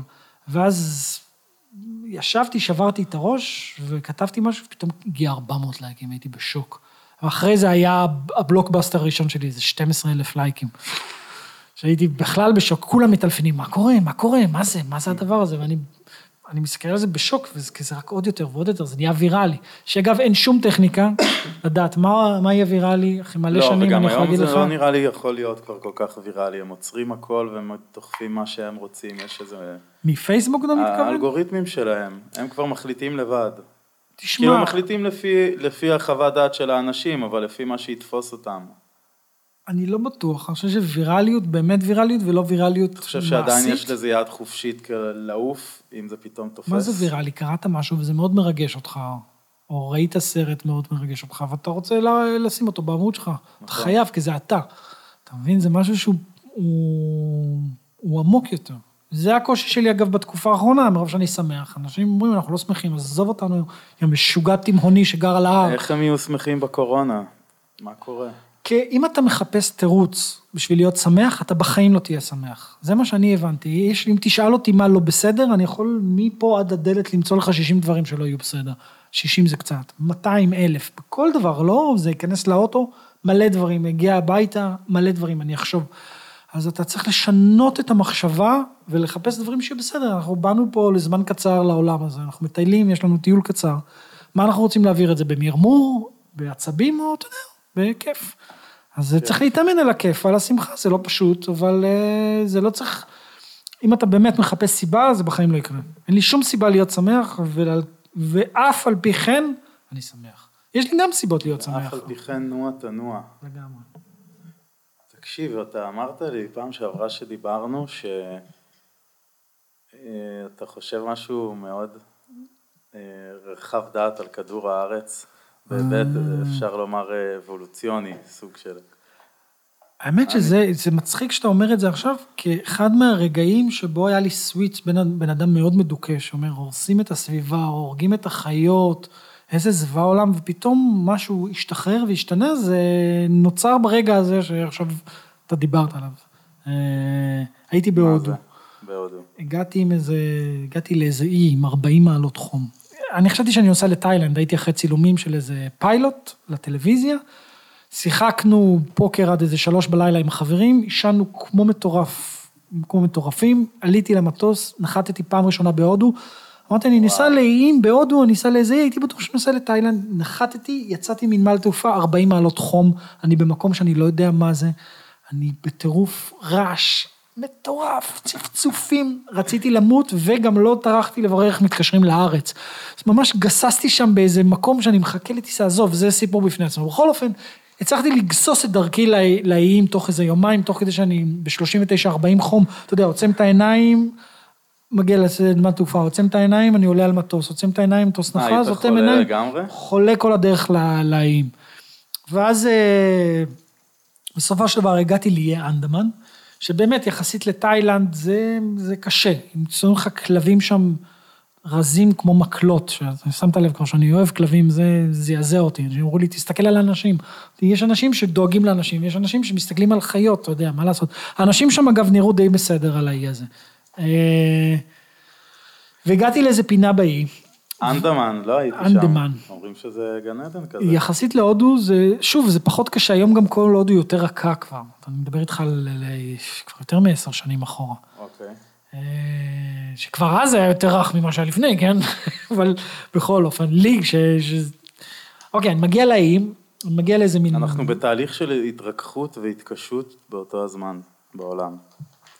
אה, אני חושב שאנחנו בתהליך של התרככות ואנטיפטיות שגדלה. שאנטיפטיות זה הדבר המסוכן. כאילו, אתה נהיה, אנשים נהיים קשים יותר, ואכזריים. בגלל שיש, אתה לא יכול לספוג את כל הצער, אתה לא יכול לספוג את כל הסבל, אתה לא יכול, אתה כאילו, לא רוצה. זה גם קורה עם הגיל, אני חושב. כשאתה צעיר, אתה יוצא לרחובות, כשאתה מתבגר... עכשיו הרבה מהמחאה, אבל הם אה, מבוגרים, אתה יודע, אני ראיינתי כן. אה, חברה, גל ישראל טל, היא אוקיי. אחת מאימהות המהפכה, הן כאילו אימהות שומרות, הן כאילו ניצבות בין השוטרים לבין המפגינים. איזה שוטרים אפסים לא יכולים להרביץ לאימא, זה גזענות, זה שוביניזם, אתה יודע, שאתה לא יכול אבל הן להרביץ. מדהימות, הן מדהימות, וראיינתי אותן, הם התחילו לפני איזה ארבע שנים לבד, כן. מול מנדלבליט, למה אתה לא פותח תיקים נגד ביבי, ואז זה עבר לכל מיני אנשים, עד שזה הגיע עכשיו לביבי, והם אחרי שנים של עשייה, ופתאום זה הכל התפוצץ. בעצם זה הן, הן בזכותן. הן הן. ועוד כמה, אבל יש שם הרבה קהל כזה, אבל זה באמת פרץ כשהדור הצעיר הגיע. אפילו בדן עשינו פה לפני כמה ימים בחוץ בצומת. באמת? ביום שבת אחד. היה אווירה. חם בטח. לא, לא זה חם היה? בשקיעה כזה, היה נחמד. גם אצלנו בנווה עתיב, אנשים אה, אמרו... לירקה, לירקה יצא כן, שם. אנשים אמרו בוא, נ, בוא נעלה קצת וזה, אז אני גם באתי, אמרתי להם, אני אעזור לכם, אני אהיה השוטרים, צעקתי להם, זו הפגנה לא חוקית, נא לפנות. ואז אה, לא היו ביביסטים, אז הייתי גם הביביסטים, כאילו צעקתי להם, השמאלנים חורות, לכו הביתה. נתתי להם אווירה בשביל שיהיה להם, אתה יודע, קצת שירגישו. כאלה. צריך את האנטיגוניזם שוב. היו איזה שניים וחצי מפגינים, כל נווה עתיב זה איזה ארבעה אנשים. אפילו שם הלכת למקום אנטיגוניסטי אליהם. הייתי, לא אנטגוניזם, זה לא. אנטגוניזם, רציתי שהם ירגישו, הרגשתי? שהם יוצאים למחאה, ואתה צריך קצת להרגיש את המחאה, הרי אף שוטר לא יטרח להגיע לנווה עתיב, יישוב עם ארבע וחצי אנשים בשביל להגיע, זו, להגיד התקהלות לא חוקית. שלושה מוחים. שלושה מוחים, אז אמרתי, אני אתן את ה... את ה- גם אמרתי מראש, אם, שאני אגיע ואני אני, אני אקח את הצד הזה של האנשים הרעים. הרעים, לא רעים, אתה יודע. נראה לי זה היה חני ולירקה, היא הייתה שם עם עוד חברה? נכון, נכון. חני. דש חם ללירקה וחני המהממות, תמשיכו להפגין ברחבי ישראל ולעשות עבודת קודש במקומנו שאנחנו יושבים פה ומדברים בפודקאסט. אבל גם יוצאים בזמננו. אם להפגין. נגיד אה, ביבי לך. הביתה זה בסדר, אז מאותו רגע אנחנו מרדנים כאילו? בכל אופן, לא משנה, אני בהודו, יושב שם, כן. מתאושש מהחולי, יושב שם, ב... זה היה קרוב לחוף, אבל בשביל להגיע לחוף היית צריך ללכת, ועד לחוף והיו עצי קוקוס בדרך, באמת עצומים, גבוהים בטירוף, שמדי פעם נפל שם ענף או קוקוס. אה, זה מפחיד, אפשר למות מזה. מה זה, אנשים, מאות אנשים מתים, מתים בהודו. בהודו בשנה מאגוזי קוקוס וכאלה. זה היה מאוד מפחיד. אז, אז פעם שהלכתי לחוף, לא ידעתי אם אני אגיע לחוף בחיים או לא. בכל אופן, אני ישבתי שם והסתכלתי על השמיים שהציצו מבין האלה, ואז לא יודע, היה לי איזה, תקרא לזה הערה או מחשבה מטופשת שהיא נשארה חזק, תראה איזה יופי איך אני מחבר בין הערה למחשבות מטופשות. תודה, תודה. והכל. וחשבתי על כדור הארץ, אמרתי, מה קורה אם הייתי חייזר והייתי מסתכל על כדור הארץ? מהצד, במשך שנים, מה הייתי רואה? הייתי רואה שהרבה אסטרואידים וכאלה נופלים על כדור הארץ, וכעבור כמה מאות שנים, פתאום כדור הארץ מתחיל לזרוק דברים החוצה, אל החלל. חלק חוזרים, אבל חלק לא חוזרים. ואז פתאום הבנתי, כדור הארץ זה סוג של אורגניזם, שהוא בסך הכל רוצה לצאת אל החלל. הוא רוצה להתפשט, כמו פרח שרוצה להתפשט, אה, כמו צמח שרוצה לגדול, כמו בן אדם שיש לו 60 ילדים, הוא רוצה להוציא דברים לחלל. ואנחנו, בני אדם, חושבים שאנחנו רוצים לצאת, אבל כדור הארץ יצר אותנו, בשביל שאנחנו ניצור את המחשבים ביחד עם המחשבים, ואותנו נוציא אותו לחלל, ובסך הכל הוא רוצה להתרבות, וכל האגו שלנו, אנחנו בני אדם, אנחנו יותר טובים מאלה, יותר טובים מאלה, בשנייה שנצא לחלל וכדור הארץ כבר לא יהיה צריך אותנו, אתה יודע, הוא ישים אותנו בשמורה ליד, ה... ליד השימפנזות. כן, זה, אני אוהב את המחשבה הזאת, כי זה כמו אה, נגיד הגן האנוכי, שהוא מסתכל על הגן בתור הפרט שעליו עוברת האבולוציה בעצם. אז כאן אתה מסתכל על הכדור בתור הפרט שעליו עובר האבולוציה. כן, שאנחנו חלק ממנו, ו... ואז גם עלתה לי עוד מחשבה, שנגיד יש בן אדם שאומר, אני לא שווה כלום, אני אפס, אני כלום. והוא בן אדם שעובר בעולם, ואתה יודע, עובר מקום למקום, מוכר מברשות שיניים, אוקיי? הוא אומר, אני כלום לא וזה, אבל בעצם הבן אדם הזה נושא בקטריות ממקום למקום. כדור הארץ בעצם רוצה שהוא ילך, וייקח איזה בקטריה מישראל, ישים אותה בסין. אוקיי? וייקח מסין וישים את זה בהודו. זאת אומרת, אנשים בעצם מזיזים כל מיני דברים, ויכול להיות שזה, מש... יש משמעות מטורפת, כי הכדור צריך שאנחנו נעשה את זה. אבל אנחנו מחפשים משמעות, אנחנו לא עוזר לנו אם תגיד, רן, אתה לא יודע, בזכות זה שהעברת כמה בקטריות להודו אז לפני עשר שנים, שהיית חולה, אתה חושב שהיית חולה, כדור הארץ העביר איתך כל מיני מחלות להודו, אוקיי, ויכול להיות שבזכות זה האנושות תחיה עוד 200 שנה, ואתה תגיד, רבאק, אני רוצה שהספר שלי יהיה רב-מכר. אני לא רוצה עכשיו איזה, מה אתה, כאילו אנחנו מחפשים את המשמעות האישית.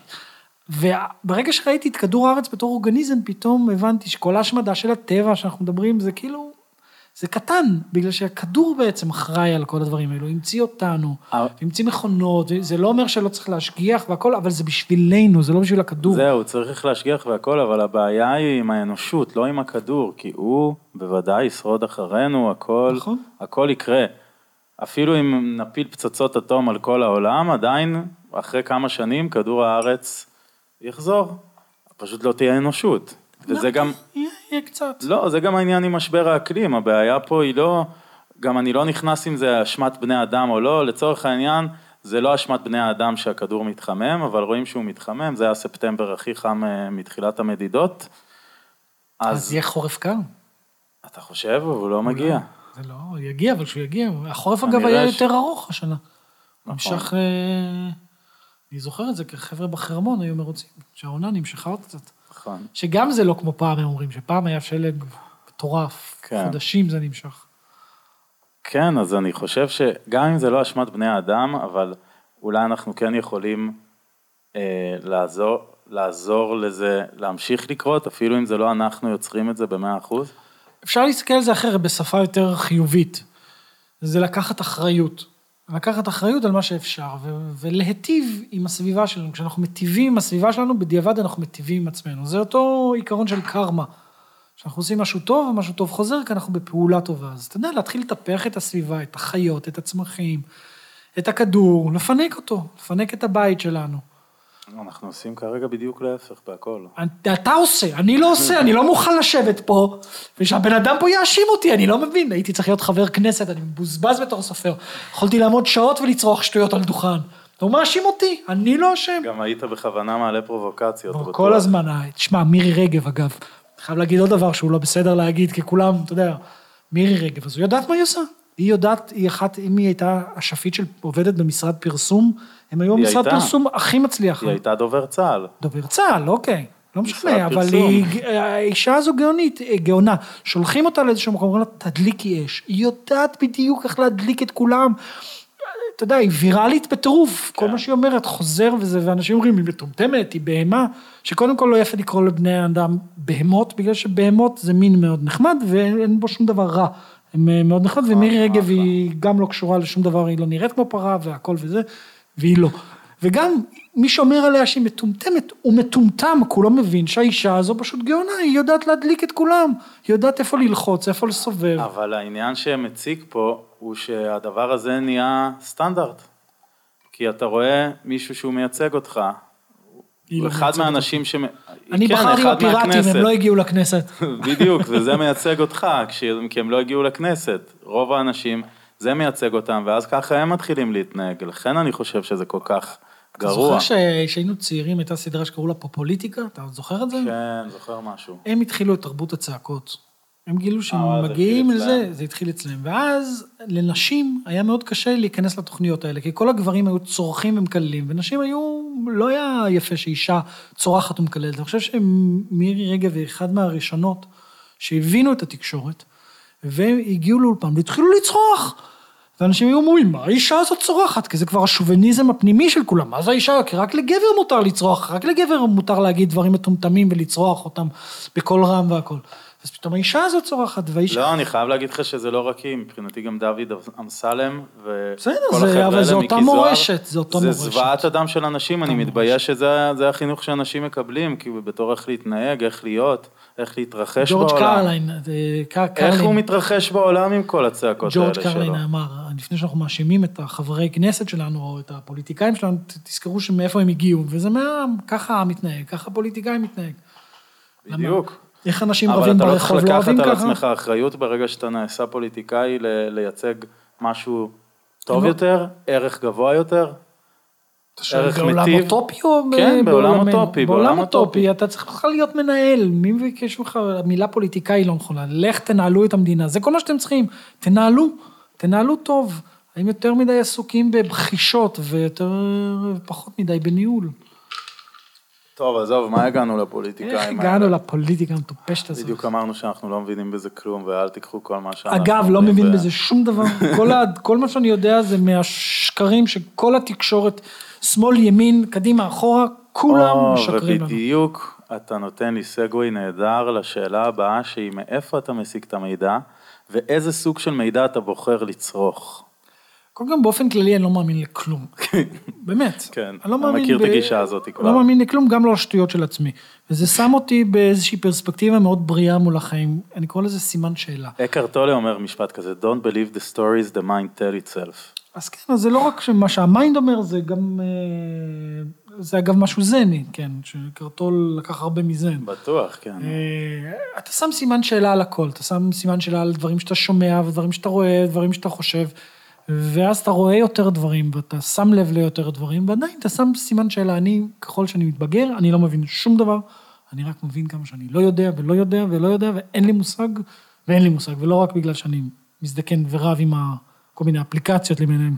אני סתם, אני לא באמת רב איתם, אבל אה, אתה לא מבין, העולם הוא אינסופי, העולם הוא פלאי, העולם הוא קסום, וברגע שאתה חושב שאתה מבין משהו, אתה מנסה לקלוא אותו באיזושהי פרספקטיבה שלך.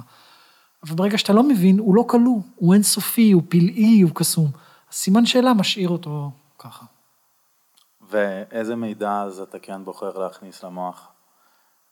כי חשוב מאוד בימינו לא למלא אותו בזבל, ולא ליפול, אה, אני גם עושה את זה, אני מנסה להמעיט באינסוף יוטיובים, או פתאום אני נכנס לכאן, ערוץ אחד רואה חדשות בשביל להתעדכן, אבל כל פעם שאני נכנס אני פשוט, וואו, או, איזה פחד, מה קורה פה, ואז אני נזכר שזה חלק מהבלוף. תוכנית טלוויזיה חדשות היא תוכנית בידור. זה עוזר לזכור שזו תוכנית אימה, אגב, ז'אנר אימה. זה אימה. אימה, תמיד היא הייתה, ובידור, אבל היא. בידור, היא מוכרת פרסומות. אבל זה לא ייאמן שמעמיסים לאנשים בראש כל כך הרבה מידע מהקשים שיש, רציחות, אונסים, היעלמויות, למה? מלחמות. כדי למכור מה? למכור דברים בפרסומות, זה הכל, לא משום כן, דבר אחר. כן. ברגע, ברגע שרואים את זה ככה, אז זה מה- שם את הכל זה- זה- בפרספקטיבה. לכן אני שואל, איזה מידע אתה בוחר כן להכניס לראש, ו... בשנים האחרונות, בשנתיים האחרונות אתה- למדתי, קראתי הרבה ספרי זן וספרי בודהיזם, והתעניינתי קצת בכל הווריאציות של ה-NLP, שזה ה-coaching למיניהם, קצת שזה, שזה בעצם גם זן וגם אלה, זה כל מיני דברים שעשיתי עם עצמי, ואז גיליתי שכבר עושים את זה בעולם. אז אמרתי, למה צריך להמציא הכל לבד? בוא קצת תלך תגלה מה אנשים כבר חשבו. NLP זה קצת איך לתכנת את המוח שלך. זאת אומרת, איך לגרום לעצמך לעשות כל מיני דברים, ואיך, אתה יודע, מבט חיובי. במשולש שלך זה הדרך. כן, אה, אה, כן, הדרך. הדרך יושבת איפה שהקואוצ'רים יושבים, ה- ה- אה, אה, הלחיות, הרגע זה הבודהיזם, זה ה... זן, בודהיזם. כן, וה, והאמונה זה יהדות, נצרות, או, יקום. או טולקין, שר הטבעות, מה שאתה רוצה, כאילו, או בכלל איזה אמונה שאתה רוצה. זה גם יכול להיות מדע, זה יכול להיות, אתה יודע, אבולוציה. כמו שאני אמרתי קודם, אני מאמין שכדור הארץ שולח דברים לחלל. הרי לא באמת הייתי אף פעם מחוץ לכדור הארץ, ראיתי אותו שולח דברים, ראיתי סרטים על זה. יכול להיות שזה הכל בלוף. אני לא נראה לי שזה הכל בלוף, כי אז גם אם אנחנו יותר מדי מאמינים שהכל בלוף, זה גם סוג של סיפור והוא הופך אותנו לפרנואידים. בטוח. היה בקורונה איזו תקופה שכולם אמרו, ביבי עכשיו רוצה...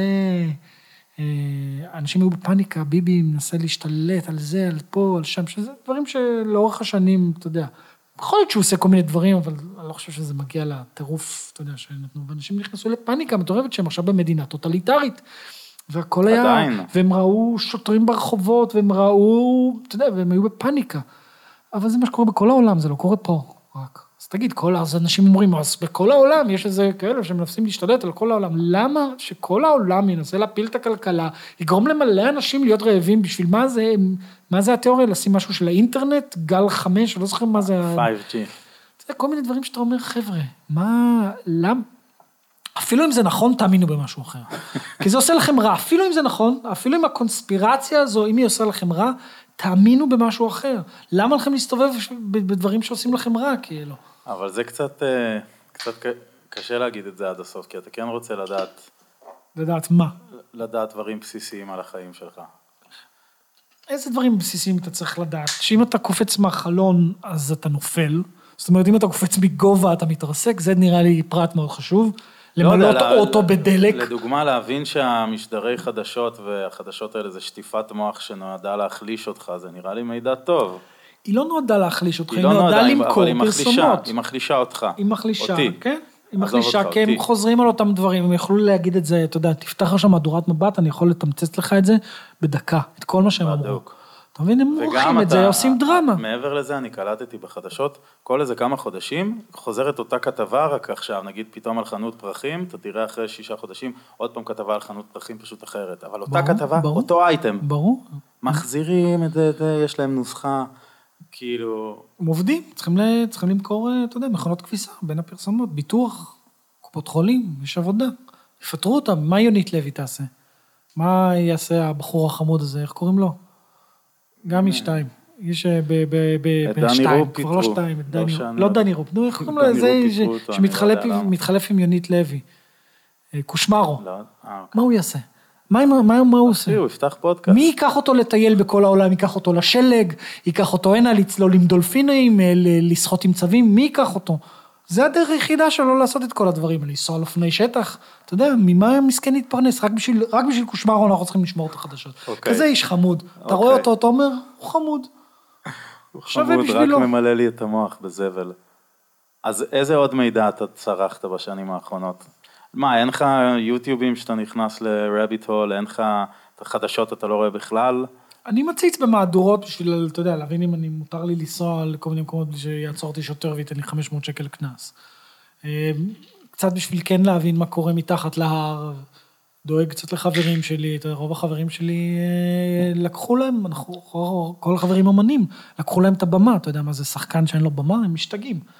שחקן צריך במה, לא סתם הם אה, יוצאים לרחובות לשיר שירים. הם צריכים במה.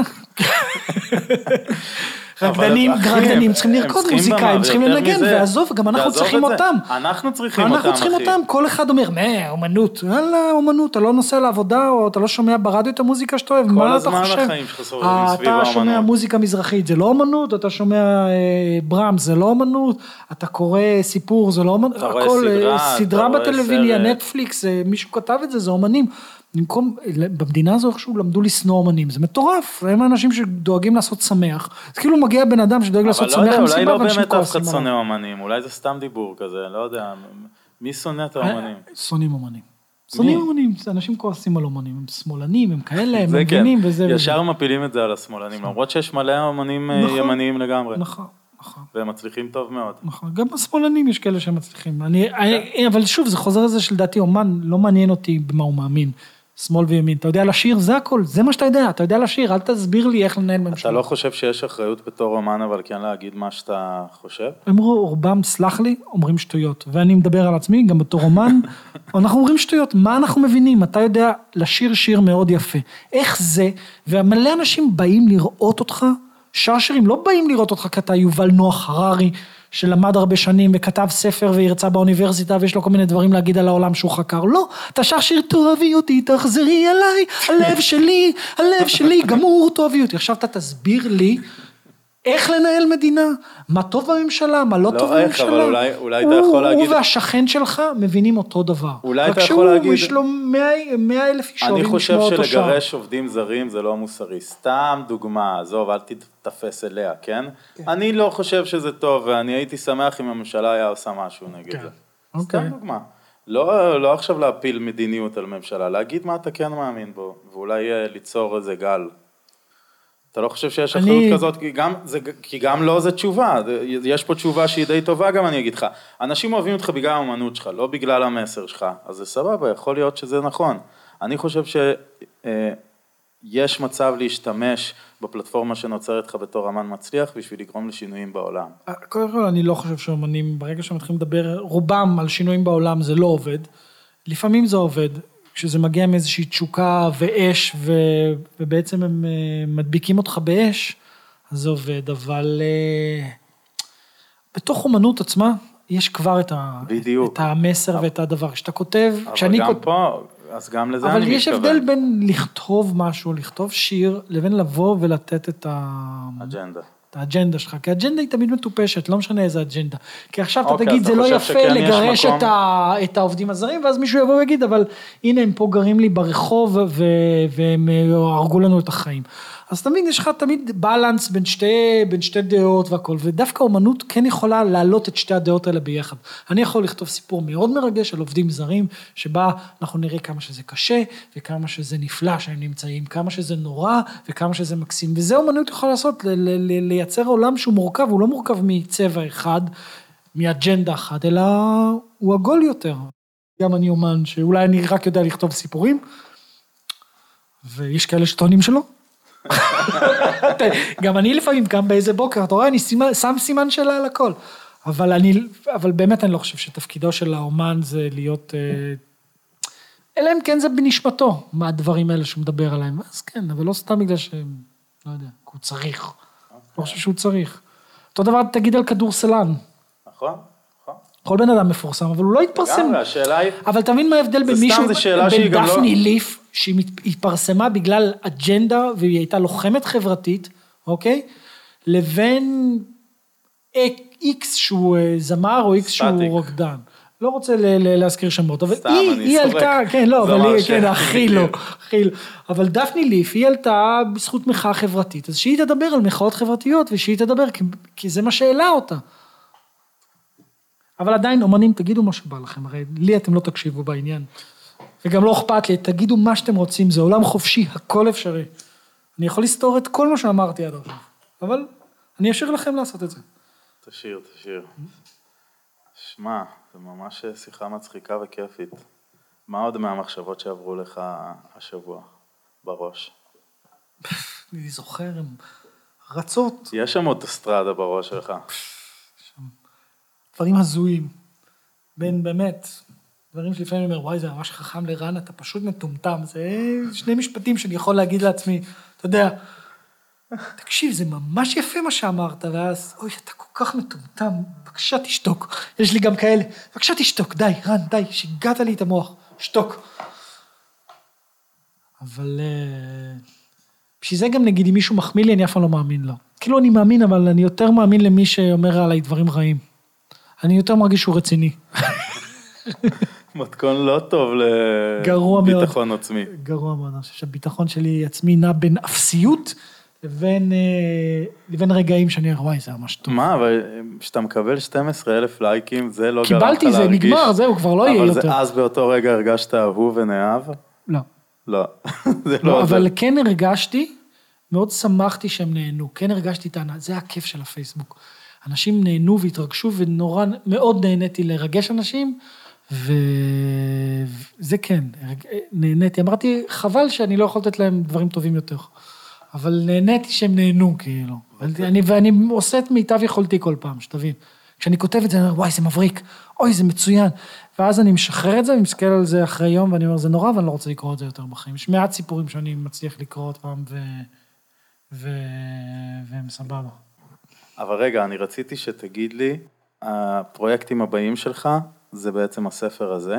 יש לי ספר, יש לי אה, ערב שאני רוצה לעשות אותו, ברגע שיאפשרו לאנשים לצאת מהבית עוד פעם, שזה ערב שמדבר, שאני בעצם מספר איך הסיפורים שלנו בונים לעצמנו את כל ההסתכלות שלנו על העולם, על עצמנו, אה, ואיך אם אנחנו משנים סיפורים, או איך אנחנו מש... יכולים לשנות את כל החיים שלנו, אם ננסח סיפורים שלנו אחרת. והערב הזה נוצר דרך זה שגם אני ממציא סיפור עם האנשים, שבערב עם הקהל, ממציא סיפור, כל פעם סיפור מקורי, וגם אני מספר להם כל מיני סיפורים אה, שקשורים לסיפורים. שאני חושב שאנשים יוצאים החוצה, אז, הם, אז הרצון שלי זה שהם יסתכלו על הכל בתור סיפור. אבל זה ערב מאוד כיפי, ושאני כבר מחכה לעשות אותו, הייתי אמור לעשות אותו כבר לפני שנה. ואז הקורונה אני זוכר שאתה דיברת. איתי עליו. כן. מאוד ביאס אותי, כי כבר הייתי על ההר, אמרתי, אני חייב לרדת למטה, אני משתגע כבר על ההר, אני רוצה לרדת, לפגוש אנשים. והגיעה הקורונה. באמת היה איזה שבוע שהתחרפנתי, ממש... זה ממש כיף לפגוש אנשים, אני יכול להגיד את זה. מניסיון. לפעמים. לא, אני אוהב לפגוש אנשים. נגיע לשאלות ה-wrap it up שלי. יאללה. אחד, מה כתוב לך באינפו של הוואטסאפ? במה? שאני- אני גם יכול לבדוק את זה, במיטב. המסורת של הפודקאסט. אני לא זוכר. אני אוהב לתפוס את ה... הנה, מה כתוב? בוא אני אגיד לך כבר. רק מספר ט... אה, לא. מי שרב עם הנמלים בצד הדרך, בחיים לא יגיע לשום מקום. טוב, גם כן זן. זה קפץ לי על ההר. כי אני זוכר שעליתי יום אחד ונורא כעסתי על, אה, על איזה מישהו, וכעסתי וכעסתי וכעסתי וכעסתי. מרוב שאתה רב איתו ומתווכח איתו ורב איתו, אתה לא ממשיך הלאה לעשות את הדברים שלך, אתה עסוק. ואז, אה, ואז דמיינתי שכאילו אתה עולה ואתה מתחיל לעצור ולריב עם הנמלים, כאילו, אתה אומר להם, זה לא בסדר שאתם הולכים ככה, למה ככה, למה אתם סוחבים את זה, למה אתם סוחבים את זה, ובסוף מה קורה? אתה לא ממשיך בדרך שלך, אתה עומד ורב עם הנמלים. אז אה, זה... מעולה. זה אחד הטובים שהיו פה בינתיים. אה, מה המסר שלך לעולם הטוב הזה והמיטיב? יכול להיות גם מסר לא טוב. תשמחו, תאהבו. אה, הדברים הכי בנאליים עושים אותנו הכי מאושרים באיזשהו מקום. אה, להיות הכי טובים שאפשר. שכל אחד, עזבו לתקן את העולם, תקנו את עצמכם. אני כל הזמן מנסה לתקן את עצמי, אני חושב שזה נפלא. אה, ולעודד שמחה, שמחה ואהבה. צחוקים. ו... וזה טוב, זה טוב. וצחוקים זה טוב. אני אוהב. פשוט ככה, להתרכז בחיוב, במקומות החיוביים, כי זה, זה עושה משהו טוב. לגמרי. ואיפה אפשר למצוא אותך? על כמובן ההר. שבפייסבוק, בפייסבוק, רן אפלברג, רן אפלברג. בעברית. בעברית. בעברית. אינסטגרם יש? משהו כזה? יש, אינסטגרם הוא כזה יותר... אה, אישי? אני- לא, אני אה, הוא אישי בזה שאני לא, לא מפרסם סיפורים, אני עושה, מצלם תמונות שאני אוהב, פעם בכמה זמן מעלה תמונה, ועושה סטורים ממש מטופשים. אחד אחרי השני, כל אחד יותר אידיוטי מאחר, שיש אנשים שהגיעו מהפייסבוק, שנורא התרגשו, ואז ראו אותי באינסטגרם ונעלבו. פשוט נעלבו, אמרו, מי זה האידיוט הזה שאנחנו קוראים את הסיפורים היפים שלו, מה הוא עושה? אבל זה משחרר איזשהו צד שלי יותר אה, שטותניקי. מדליק. אה, אז... אה, וזה המדיה בעיקר, ואיפה נשמע על הספר החדש בפייסבוק? פייסבוק או פייסבוק. ייקח עוד איזה כמה חודשים. יש גם אה, הרצאה מגניבה, אז תבואו להרצאה כשירשו לכם לצאת מהבית. ואם לא, תסתובבו סביב האדנית, זה חשוב. לצאת כל יום לעשות סיבוב סביב האדנית. אני גם מפרסם את ההרצאה הזאת מאצלי. אה, נעשה share כמיטב המסורת. אז תודה על שיחה ממש כיפית. היה כיף, היה ממש תענוג. כיף, אחי. ותודה רבה שבאת עד לדן. ו-. החלקתי עם המ- עם המחלקה, עם מלמעלה כן. לא צריך אפילו חבל שלא היה. שלג, זה היה קצת קשה, אבל... אז. יאללה, שיהיה לנו לילה טוב. ביי ביי.